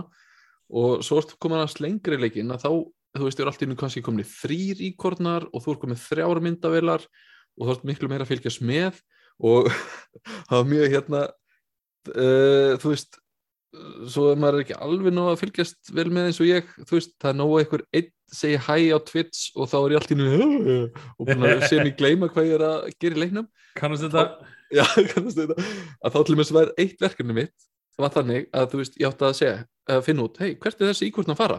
Og það tók mér alveg einhver tíma að finna hvað þessi íkvörn er að fara. Kemur ljós að hann er að hitta tvo aðra íkvörna og þá segir hann, herru, þú er að backtracka hinna íkvörnuna, þú er að sjá hver, hvaðan þeir koma. Þannig að ég byrja að backtracka og geta byrja að backtracka þennan og backtracka áfram, áfram, áfram. Og þarna á þessum tímapunkti er einhver hérna er leikihönnar að koma inn hérna og þá er þess að var ég að backtracka íkortnan sem að, jú, sem að ég var búinn. Ég alveg, ha, býtu ég kannast eitthvað við hennan helli hérna. Og þá er ég sett búinn að nota 15-20 mínútur í að backtracka íkortnan sem ég var búinn að, þannig að ég þurfti aðeins að anda þá aðeins að anda rólega en ég náði að, að, að, að þetta tók alveg auka hálf tíma sko. þessi leikur er eitthvað kunnulegur. Já, þetta er mjög svona, þetta er svona róandi leikur og veist, bara svona einmitt, uh, er verið en sagan hún er pínu svona uh, heldur mann er svona svolítið við efnið. Hún gerir smá svona skemmtileg tvist og svona allir hann íkonan að sapna einhverju dínamítum og eitthvað svona dót Já, og hann nákvæmlega. fara meir út í það komið eitthvað svona saga líka sko ha, Bara spoilers í gangi hérna. það er svona hitti upp, hitti upp Ah. í þetta af hverju þú veist, og svo, svo var það, þarf maður að finna ástæð fyrir þetta bakvæða og, og, svona. og ég held hann að, já, mér finnst þetta er mjög fallegu leikur og, og skemmtileg svona hönnun á honum og svona öðri sem hann er að spila en ég er svona, ég fann það tímbalega og svona eftir að ég er búin að fara aftur í stjórnstöðuna aftur og aftur, ah, ég verði til í einhvern natt til að byrtast þarna. Já, ég, ég hugsaði það sama. Maður er svona að labba, maður er bara að labba veist, og, jú, það var kannski oft ég bara eitthvað þú veist að, að að staðsetja uh, þessa myndi verið kjánulega, æ, ég hefði þetta verið þarna frekar svo þurfti ég að fara aftur tilbaka og laga, eða þannig til skoða upptökuna á, já, það er þetta svona, þá þurfti ég að laga. Já, það var næst að það væri bara takki sem að væri mitt, þú myndir sjálflega að fara í hjólísið og það kemur bara rekord og þú verður að fyrir fram í töluskjá en það er mitt svona, kannski svona, mitt svona missa pínu sjarma leiknum líka, eða veist, veginn maður svona, þetta er svona, maður er svona pínu svona, veginn svona uh, hugsa um það kannski að því að, ú, að því ég mistóks oftar þá, þá lendi ég oftar mitt að fara aftur í, þú veist, hjólisjósta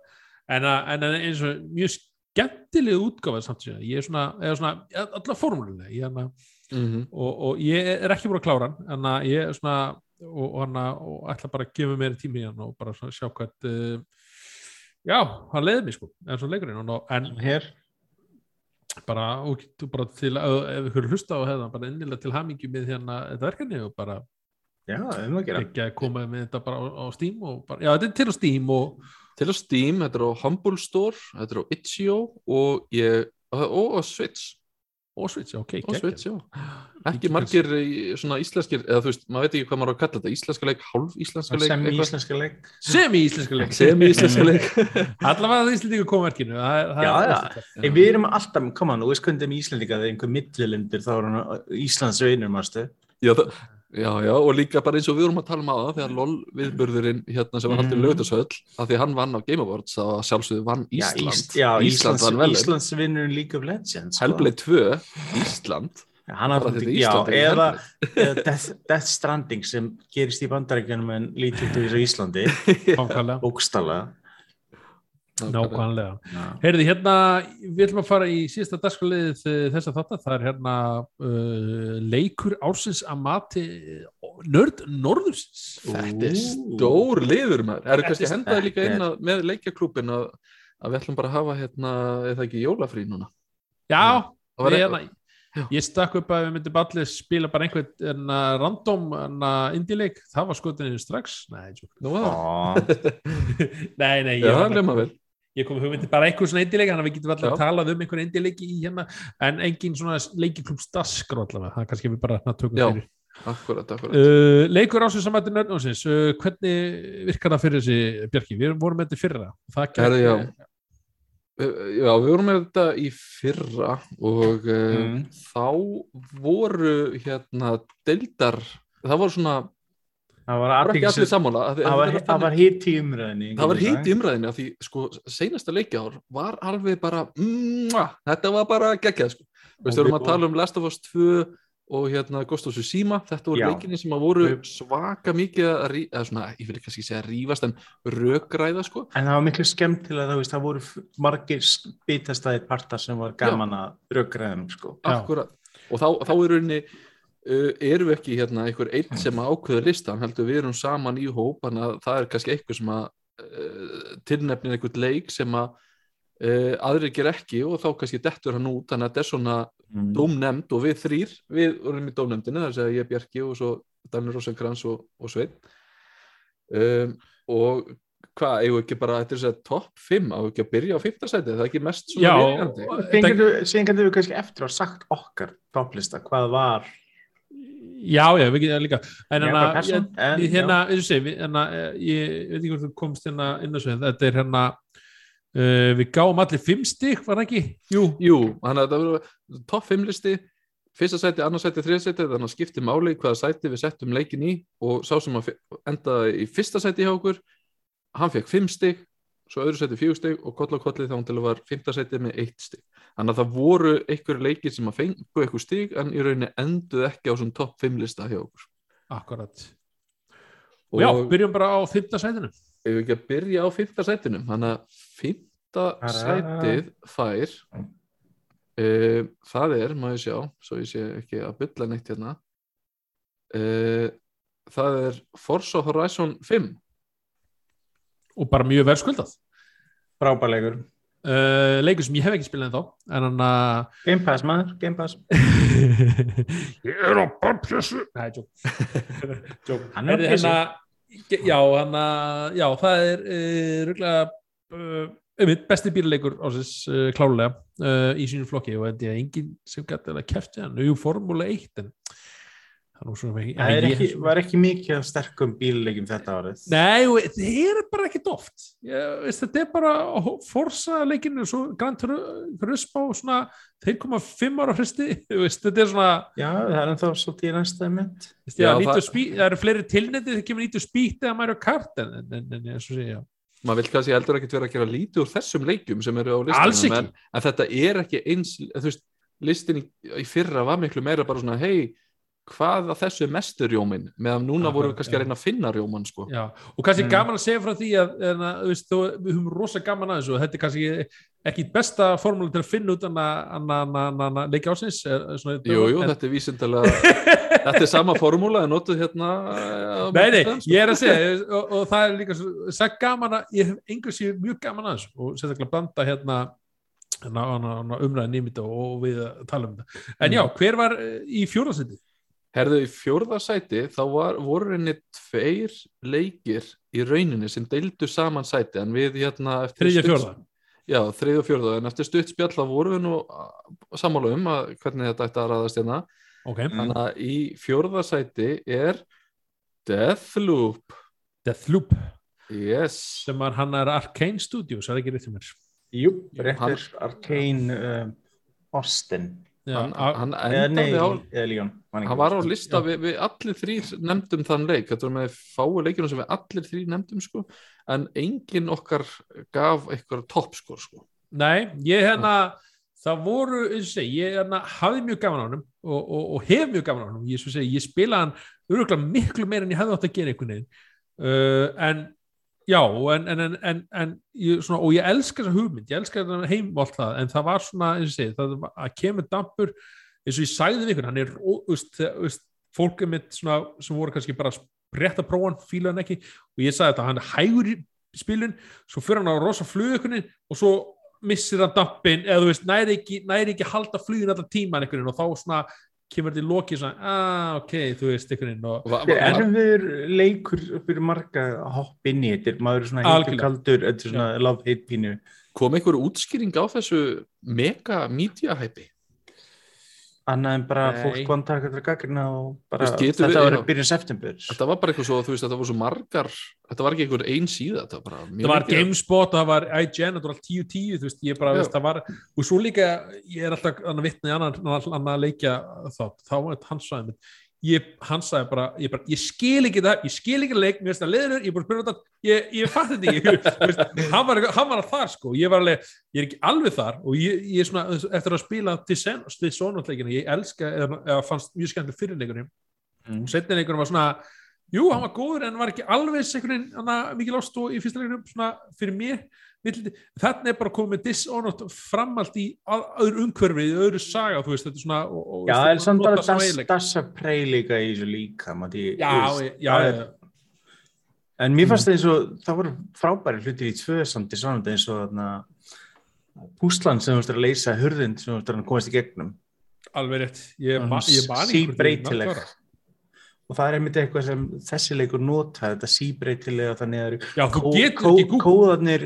er ekki eins og vissi hlutir er ekki eins þannig að það þýr ekki á netið og leita endilega. Nei, akkur, það breytist eftir leik, leiksið þannig að þú, ætti- jú, þú getur fundið stað þar sem kóðan er að vera en þú getur ekki googla bara þetta er kóðin fyrir þessu hurð og opna svo svo veist, það er svo mikið kóðum í þessu einhvern veginn sá ég sá kóða ykkur töflu í leiknum ég mm. geti fara mikið náður þetta en, en, en þá var til að opna ykkur peningaskap og ég var na, ég náði aldrei tengingunni af hverju opna þennan peningaskap, ég bara, já ok, þetta virkaði þú veist, ég prófaði bara eitthvað kó- kóða sem sá ykkur töflu en já, í þriða setið Bjarki, Uh, hérna, já, kannski bara henda inn með Deathloop einmitt. Mér var svolítið erfitt með Deathloop að ég spilaði hann svo stuttu eftir að ég spilaði indileikin 12 minutes sem að snýri um það sko að endur upplifa alltaf að ég var bara að byrja svolítið þreyttur í leiknum sko. Ég fann það alveg, ég var bara ekki alveg til í þetta sko. Þetta er sem alla hlutið þú sér spilar og mikið, þetta er og maður, spilar marga open world leiki í röð, maður er bara akkurat. þreyttur saman hvað gott uh, dæmið verðst að spila í raun og veru er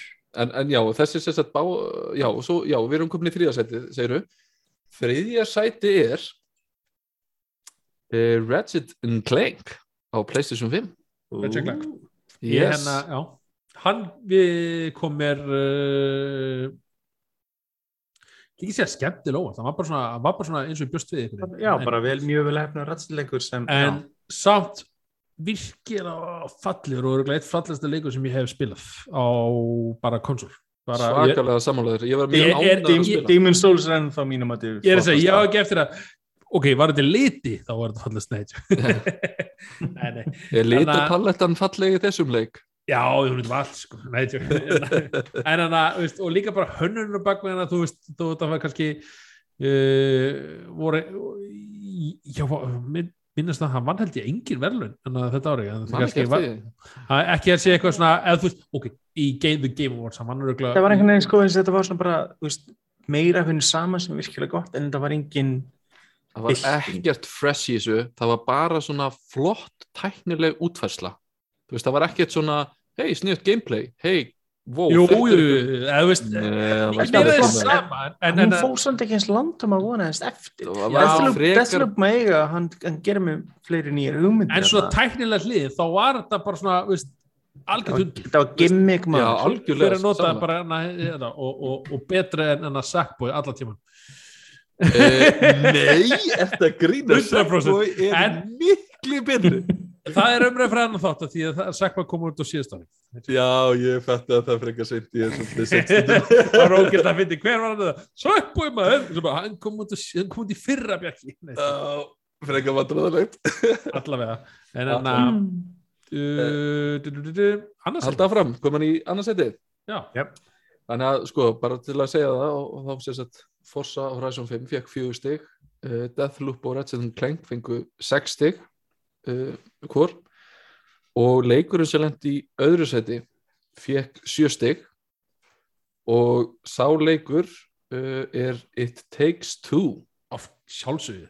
Leikurinn sem ekki mynd- spilar því miður. Já, It Takes Two. Ég hérna, og það var bara svona óvart að hann nætti svona hátt af því að ég spila hann bara fyrst skipti bara í veist, ég var bara, hann er á Íslandi og hann er í, inn í kynningunni og við erum að fara að halda um hann the game of the, game of the year umröðuminu, þannig að ég verða að prófa hann og ég spilaði fyrstu tvö bórun en, en, en Colin Fjell fyrir hann, hann er hann er sko. virkilega sjarmerandi í það sem að gera og, og gaman að sjá kóapleik, samspiluleik fara þennan veg, það er að segja þú veist, allu leikurinn anna, gengur út á samvinnu þú veist, Mhm. og, og, anna, og það er ekki mikið þannig leikjum í dag sérstaklega og, og, margir leikir kannski krefist þess að hinna aðeins eigi leikin nema þessi, að þú kaupir eitt eintækuleiknum og færðu gjafa eintæk til að gefa öðru spila Það var eins og með leikinu undan Hey, líka, það var, var frí útgáfa fyrir Já. einaðalan en þú veist enga svona. já, já, já, ok, það, það er kannski mega sens en eins og sé, ef ég kaupi leikin þá get ég gefið Bjarka ég, ég, held að ég held að Bjarki getur ekki spila einn annan en mig en hann er samt langar að segja nema En, en fær hann trófi hana fyrir það? Það er það sem ég langar þetta, það var ekki it, uh, it, it takes two, ekki það, það er hann heita Way Out. Nei, já, ég fyrir ekki, vá, ég var nei. En það var þannig að þú, sá sem var að spila móti fikk ekkert.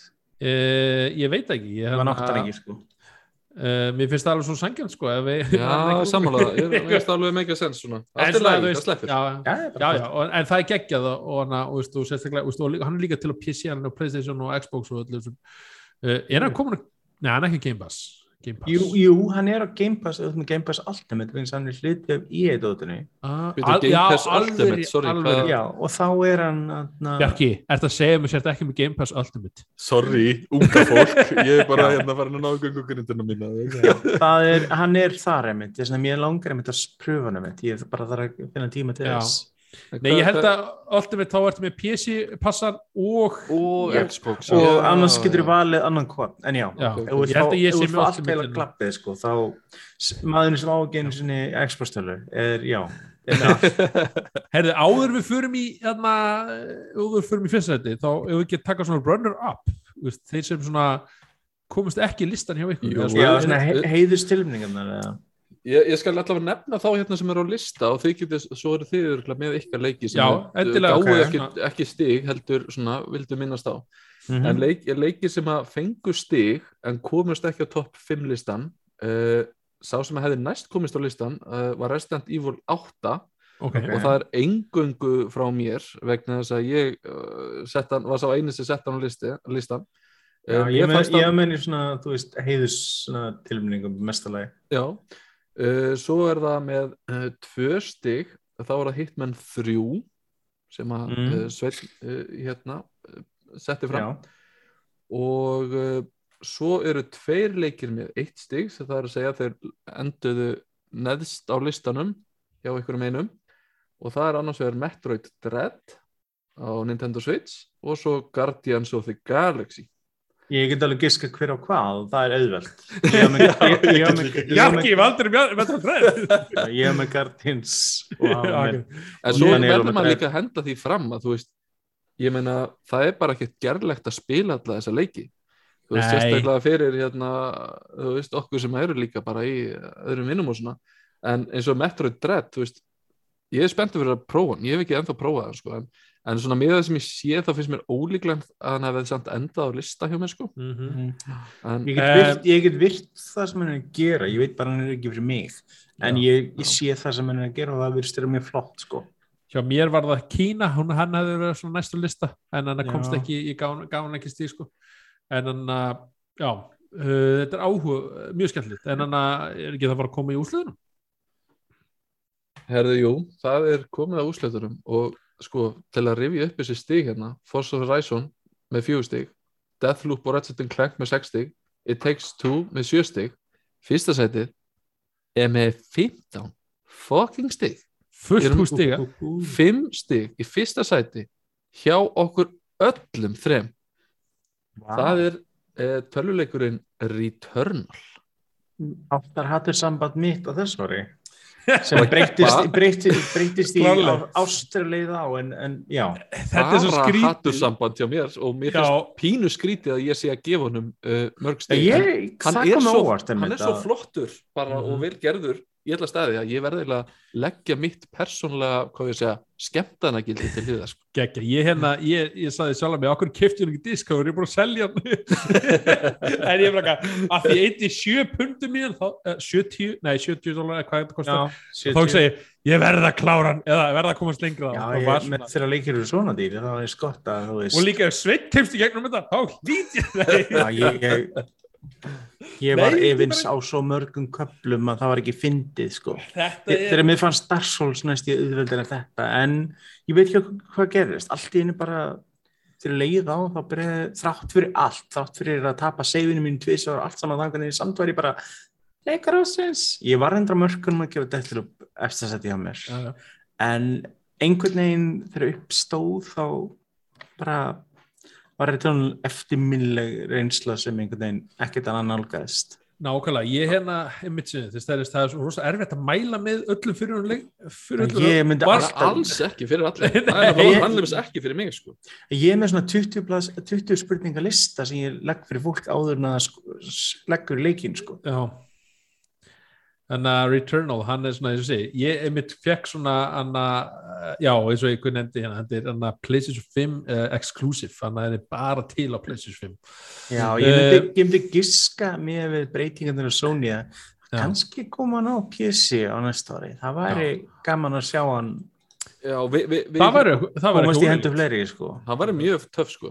en það er já. kannski líka áhugast að bæta við sko, að, því leikir í dag þeir eru alltaf að uppfærast eitthvað og þú veist Mm. að b- svona, uh, leikir, þú veist, þú gaggrínan við útgáfu þá er hann kannski aðeins öðruðs eftir ára eða eitthvað að Jöp. þegar leikurinn kom út þá var þetta mjög mikið talað um þetta vesen með safe stuffið e, sko, já, sem að var lagfært uh, að vissu leitið eða ekki Jú, þeir eru sérstaklega núna fyrir nokkur viku þannig gáður út svona 2.0 útgáfa leiksins mm. sem leifir að seifa á vissum punkti þannig að það er ekki aðalega sko stæðsta vandamáli, eitt sem ég steinar sérstaklega á þeim báður hvort er mikilvæg var þetta að rönnin voru svona löng og þú Mhm. gast ekki seifa, ég meina það er bara þannig. Við sem er svona erum fullotnir bá, mér langar svo, svo skrítið að segja fullotnir menn. En já, Bráðu gamlir, nei, allir, já. Ég vil aldrei að kalla Já, þú veist, maður hefur ekki alltaf tíma og þegar rönnin eru kannski nokkri klukkutíma versus eins og suma rógleikir svona róglæt og svona leikir sem eru kannski 15-20 mínútur hálftími þá mögur alltaf mikið um að geta seifað í fjara tíma rispu og haldi áfram. Þetta Og var ástæðan okkur ég bara lagði ekki og, mikið í og leikin það er bara af þessu. langar að þetta spila núna og testa hann aftur eftir þetta til að sjá hver mikið þetta breytir sem ég stundur langa að kasta festringin í sjónvarpið og tímabili Já. síðan bara þurfti ég að minna mig á hvað sjónvarpið kostaði og þá, þú veist ég held ég að við lent vaknaðist það. einu snill í honum að ok, ég var svo lánsamur að ég er einn að spila PlayStation 5 að heiminn mínu en Steinar hins og segja, hann er að deila tölunum með nöðrum uh, spilunum þannig að það kom ekki til greina fyrir hann að setja resmót og halda svo áfram að því að Það það Ég er einhver- aldrei, ég var að segja ég nota aldrei resmút. alvöru út af fræðslu við þessu, þetta error Bara stefnu. almennt tr- trist í illa, en ég, sko, ég nota ekki eins og aðmjölega kvikir í suma exposinu og það verkar miklu. ha? ok, Ég, ég bara, Ég, ég, veistu ég hvað gerðist mjög samt spes. hjá mér? Já. Bara því ég hvað? fór hérna á restmót sjálfkrafa því ég var eitthvað, þú veist, kikið síma minn. Það allt í hennu slöknaði á tölnu og kom bara græt skjár sko. Uh, Já, ég hef, Það og er segir, error maður hefur... hefur, og ég reyndi að kveikja og það gerist ekki. Sko. þetta er eins og, ég ger þetta ekki eins og pjæstilu minni, setja hann í sér spendi eða eitthvað sem fólk gerir. já, ok Já, já. Ég er bara mjög skrítin típa þegar kemur að þessu, ég skal veikja um það. En, lei- en einmitt, þetta er kannski svo ég hérna aðeins bæti við með þetta sem sagt, hvað er svona kannski svolítið engilegt við þetta e, og sýnir mismunin á milli ára 2020 og 2021 er að þegar þessi leikur komur út það er búið bæta svolítið af þessum stóra galla sem að hérna dró leikið svolítið niður.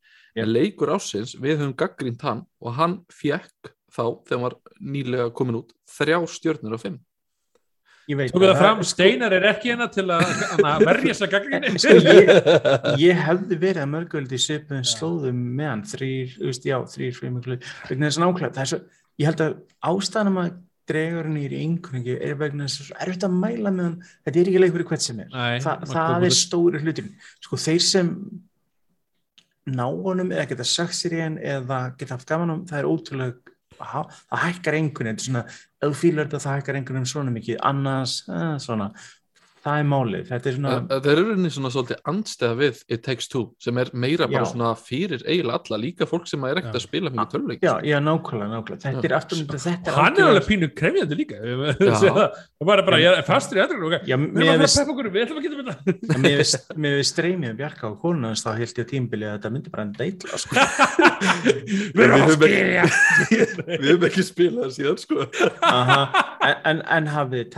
ekki- Já, eitthvað smá sko Þegar við þurfum mæ, mæst á ganginum, heyri. þú spila, já. glimtu því Já, þannig að þú veist, Mm. mér langar að pröfa með konni sem spilar ekki töluleik almennt, en ég sama tíma er rættu við það. Já, þetta er einmitt svona, ef þú fílar svona leiki þá kannski ertu bara búin að finna þinn uh, gullmúla en þú fílar ekki svona leiki þá ættur þú fyrir ekkert að það er líta fram hjá það meðan Dark Souls-leiknir eru algjört love hate fyrir flesta vegna þess að þú veist, fyrir sko ég er að, hef myndið gekk gegnum það, hata það í mörg ár og núna er ég góðin, ég er úslega spennt fyrir eldering og ég bara, ef ég hef sagt þetta við mig sjálfan fyrir nokkur hún þá hef ég slegið örgla. Þannig að þú veist, já, það hefur eitthvað breyst. Mhm. Geggjað. Uh, já, það er það er uh, leikur ásins að mati nördnólusins, það er Returnal og við hérna, eins og ég segi, mælum uh, ekkit allt og sterklega með Nei, Jú, við gott. Við, er skulum, djóka, við skulum segja kynni ykkur já. Vel, áður. og- fullt af vídeo, horfðu á vídeo Já. leysi gaggrina horfðu á mig grátæði í sjónvarpinu næst í, sko, að þú veist Ég hérna- takk Ég var og ef hann er fáin að tilbúi ekki verða eftir ég, ég, ég þarf alltaf móttum á svo því ég þannig að sigra leikina á held ég ykkur 24 deaths og, ég er ennþá bitur og, þegar ég var að tala um það. Ara hann bara, ha? Og þú varst, þú varst næstum bara að gefast upp. Við erum að tala með uh, flesti spilarar unni ekki fyrsta endakallin á þessu bara, aha, nákvæmlega. Það er bara málið, ég var bara, ég var bara að degja fimm sinnum saman en það þrjusum saman endakallin ég bara, þegar, enn í þessu aftur? Þegar, við, við vorum að spjalla Facebook og þú Já. að byrta tölfræði þína versus mína mér langaði sem þeim að keira til þín og slá þig. En mér líkaði ekki svona mikið við þig að því ég slegið með úldnum þoski eitthvað eins og ég var svo söktur ég bara þetta unga fólk, þetta helbíts unga fólk og viðbröður þeirra maður ég dó. Tvísvar eða þrísusnum of, oftar en þú. Ég hef oft, oft, oft hugsað um að taka stream í þessu leik en það er svo langt sem ég spila hann ég hef eftir að sökka í hann ég bara, Nei. mér líst vel á það, ég skal borga fyrir það bara til að orða þið deyja. En ég, ég var einmitt ég var einmitt búin að hlusta á ykkur vera að tala um bara svona einmitt um leikin og ég fann bara svona, vá þetta er svo ekki leiku fyrir Það var mig máli, síðan þetta neginn alltaf, ég, ég, ég, þú veist, ég talaði um hann eins og mér langaði að myrða hann, síðan ætli, ég verð að fara bara, ég gæti ekki að hætta að hugsa um hann En- á jákvæða og neikvæða áttin. En svo, svo fannst mér líka nefnilega fólk vera að tala um hann bara svona, þú veist, þegar vera að fjalla um aðra hluti en hvers konar leikur þetta er sem er svona annarkvort missin hitt að þá voru líka bara þessi hlutir, þú veist, grafíkin hvernig leikurinn uppsettur Leikurinn, uh, hljó- hann er svo- svo fattur. Og ég var að spila Ég ég var ég var að spila með headphone, þannig að 3D heyrnartónu Sony, og hljóð hönnun í leiknum bara Gegn- mind blowing. það er það sem að lifti eh, leiknum svona hátt upp Já, hann er, hann er er ótrúlega augna COVID og Já. ef þú hefur náðu að komast lengra þá hefur séð ótrúlega flotta kapla líka og ná geðvikina þú veist sem Já, var, í, ég- var í bóði sko. mæli myndi við Bjarka þú segir alltaf ekki spila meira eða, svona, eða leggur ekki meira eins og Karl Darjón nefndi hérna að kíkja endilega á svona playthrough bara svona skoða hann Já, og síðan Mm, eins og segja, og ef þú allt í henni hugsa með þessi Þá er kannski gefa nú aftur send, þá bara heyrir í mér og ég skal Já, eins og, eins og endakall í veröld fjör, hann er svo rosalega flottur og sjónræð og maður bara svona, Já, þetta er aftur, geggjað einhvern aftur veginn endagall tvö mér langaði að finna þrjú. sem eða vera þrjú. Já, já, þrjú sem ég langaði að finna manneskinu sem hannaðan og meiðana. Ég var svo, ég var svo hvaða reyður ofbeldi er þetta? Er sko, fólk sem þekki mig veit að ég er almennt mjög mikið rólendis típa en stundum verði ég rosalega bitur og reyður og grimmur. En ég er ekki típa sem kasti fyrsturinn ég er típa sem fæ mér göngutúr og fæ útrásur gremmi minna og kem inn og reyna aftur. Já, og, og lemur vinið sér með þosk eða eitthvað. Nei, nei, nei, sko, ég hugsa það. Já, ok. gera það ekki, það liggur munur Það er munurinn ekki ekki Heyrðu, já, hérna, þá hérna, já, ég held ekki meira við þetta. Við náttúrulega fórum bara yfir uh, að helsta í The Game Awards uh, Sveit spilaði Halo. Mhm, Halo Og- Chorus sem Halo já, Chorus, já, og verðum með, ég myndi til að minna aftur á við verðum með umfjöllunum Chorus mjög fljótla geggjað. Matrix demoð og endilega bara endilega fylgjast með okkur á helstu samfélagsmiðlum. Við erum á Instagram, við En- erum á Facebook, við erum á fleiri stöð. YouTube, við glemdum samt einu. Já. við erum á TikTok líka krakkar Ah. Ég er of gaman Alveg, fyrir? TikTok. Ég er of gaman fyrir TikTok. ég, ég, ég, Já, ég er ekki konstina ég er ekki með Instagram. Við er glemdum að nefna lélegasti leikur ásins eða vombri ásins okkur mati. Uh, já, ég bara ég fann ekki neitt. Fannst ekki neitt, það er ógslag auðvelt. Mitt var mjög auðveldlega Já, ég held að ég sé með það saman þú sveitn, er það ekki? 1, 2 og Red, já, já, ég ætla að segja Grand Hvað Auto. þú? Ég ætla að segja uh, saman Ég veit að ég saman. hann ekki, ég lagði ekki að spila hann því ég spila ekki leiðilega leikið. San Andreas, GTA San Andreas er á Game Pass. Þú getur streamað held ég þrjú á Playstation en Jésús minn, hræðilegt hlutur. Láta hann vera. Er ég ætla bara að hafa mjög stutt ekki gott, Nei, ekki gott. Nákvæmlega. Litlu bönnin ekki gott. Ekki gott. Hérna, já uh, við, ég veit ekki hvenar hérna uh, hvort við verðum, nei, ég veist við verðum með þátt 27. Nei, Við þegar jólin eru þá erum við bara hérna að melta jólamatinn og svona. Við verðum kannski bara miðnætti á gamlast að verðum bara ringjum inn í ári bara Mm. allir blekaðir og já. Já, hver veit, að- það bara fylgist Já. með samfélagsmiðlunum geggjað Segðu og hérna ég hugsa að við komum þó ekki bara um næsta þátt fyrir bara að liggum við mánuð 9. janúar ef við svona, við svona erum dagtali. Ég fólk er bara er sæðilega að illa á þetta sko. Ég bara við líka, við getum strax með frákvarsækjunni sko. við kannski bara getum verið með eitthvað streymi í þess aldrei um þetta, já, maður redda- endilega það fylgist með okkur Twitch líka, ég Já. glemta nú það. Við erum hérna þar núna Erum við nokkuð, erum- erum við nokkuð á Tinder, strákar, eða hvernig er þetta eiginlega? no comment. Tinder, Grindr, ég bara spyr, ég bara bara hvað við erum að víka út, Já, uh, væntalega næsta þætti munum við fara yfir uh, já, bara yfir leiki sem er að koma út á 2022 hann það verður flottur pakkaðar þáttur. Við erum spennandi að laka, yfir- láta sér laka til í. yfir fantasy hérna, hérna leikin okkar. Mhm.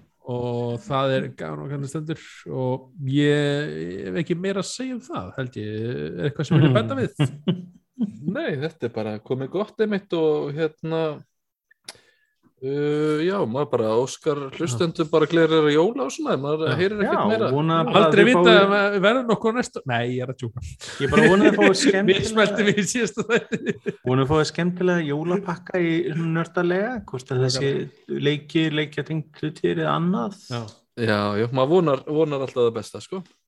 Ég mitt hérna ég er ofta að lenda í vesinni með hérna Playstation 5 fjastringana það eru svolítið uh, dreifðar hér og þar um húsið. Mér, það er einmitt sem að mér vantar, það er eitthvað svona station, Ég er með hlæðslu fyrir þess. Mér- ekki, ég- á, ekki á uh, borð þú veist, á vegg eða eitthvað. Það er til, græ- það er til svoleiðis stótt sem þú getur ég er það með, sem- ég er með hillu það sem körfa er geimir er- er svo leiki og er ég sé bara gaman. þetta ekki körfuna ég er bara blandi póka svona já, eitthvað það er bara God. tvær, ég er bara með tvær handa ég, og svo hleð ég, ég annað aðra hverja veist, þegar ég er að spila þá hleð ég hina Akkur ekki með, dokku, ég gerði það fyrir Playstation 4 ég veit ekki hverju þetta komin fyrir kannski í sömu hillu en stelpurum myndi ekki láta að vera. Það er svona þeir sem ég var að penni sko, og Félur hann bara aftur sjón mm, þar á vegnum og það, ég er með soundbar sem þykir alltaf hana, Ah, þetta þetta er ákveð svona switchin er þar líka þetta er svona, ég er nú að fela hana þegar. Fleir honum bara á bandamálist Já, hérna right. er svona eitt á lókum hvað, ef þetta er eitt leik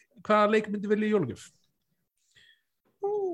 Að menna eitthvað leik sem að maður hefur þá ekki spilað? Já, bara sér það, bara hérna Uh, Ég veit ekki hvað ég að segja spurningu því ég er ekki mynd í huga sjáður hvaða leik myndi ég velja? Mér fannst nefnilega bara erfitt sko, mér, mér, mér finnst þetta bara skemmtilegast þegar maður er búið með alla svona stóru leikina að Já. fá bara eitthvað hérna eitthvað svona skemmtilega indílegt eins og Death Story eða hvað segir, Death, Death's Door.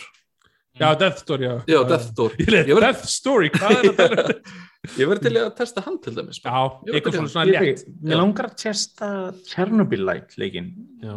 Mér langar að slaka ekki hann, mér finnst hann alltaf forðnilegur Ég er einmitt var að klára Guardians of the Galaxy. Ég er alveg, hvað ég spila næst? Ég hugsa bara, mér langar þetta ég með einhver indie leik svona aðeins svona til að upp á þenni fyrir ykkur stær Já, Já, ég hérna já, ég myndi segja örgulega að bara, vá ég nú man ekki nafna á leiknum. Þetta var hann Mér að er- indie leikurinn sem kom hann út í fyrra á hérna var ekki fyrra. Hann er hann sagamála leikurinn leikur hérna mann, hann kom á Switch. Judgment, nei, ekki- ok, það var ekki Judgment. Nei, hann kom á Eh, Switch bara, bara í fyrsta skiptum Ó, ég, þú var það en vá, þetta er orðið lélætt út af hana Vita hver að hætta, Já, hver að hætta. Það er reyndar eitt annað sem ég langar líka svolítið að spila sorry, ég gera þáttinn Ok. okay. hérna, en, en það er hérna, það er búið að vera rosa mikið útsölu PlayStation Store og líka hjá Steam en það eru þessar, þessi leikir sem er ekki beint leikir, heldur, það er búið að taka upp svona flott uh, studio production uh, myndefni Já, og þú ert í rauninni að taka ákvarðanir og breyta sögun ég man ekki hvað það heitir sko. Ég veit ekki um hvað það tala menn, Nei, já. ok. En leikur sem ég var að leita fara Disco Elysium Ah, já, ég, ég kefti hann einmitt á Xboxinu þegar hann kom út loksins í haust. já, keifti hann að spila hann aldrei gæti einmitt Já, ég áttur að spila hann, en síðan annar leikur, svo ég algjörlega nefni eitthvað annað, svo ég klára þetta. Uh, mér langar að kíkja á leik sem heitir Beyond Steel Sky sem er framald af mjög gömlum leik sem heitir þarna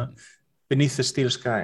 Ég ætla að hérna eh, að að enda svo orðum hérna Bjössi, góðvinur okkar hérna og hann segir hérna ég er hissa að Return of unnið leikur sem Sveit fekk tauga og fallið yfir ég ekki koma hann nálagt honum segir hann. Þetta, er- þetta endilega- sýnir öfgarnar í þessu, ég verður ekki að lagður að klepp eftir þetta. En hérna við þökkum hlustendur fyrir kærlega fyrir uh, anna, já, anna, fyrir hlustaðan þátt og, og bara við sjáumst aftur uh, hvað eftir mánuðu liðin og hérna minnum á samstæðsaðloka geimstöðin. Eða leita ykkur um uh, jóla gjöf fyrir, já, he- helstu nördana þessu leikjunundur þá um til að kikið í geimstöðin það getur fengið þar borðspil tölvuleiki, bæði spila á nýja að föt og alls konar. föt og og stærst og úrvalið af hérna held ég bara Nintendo leikjum þannig að Mm. takk uh, æðislega fyrir okkur og bara við sjáumst aftur bara von brar takk fyrir mig Takk, takk. Takk fyrir mig.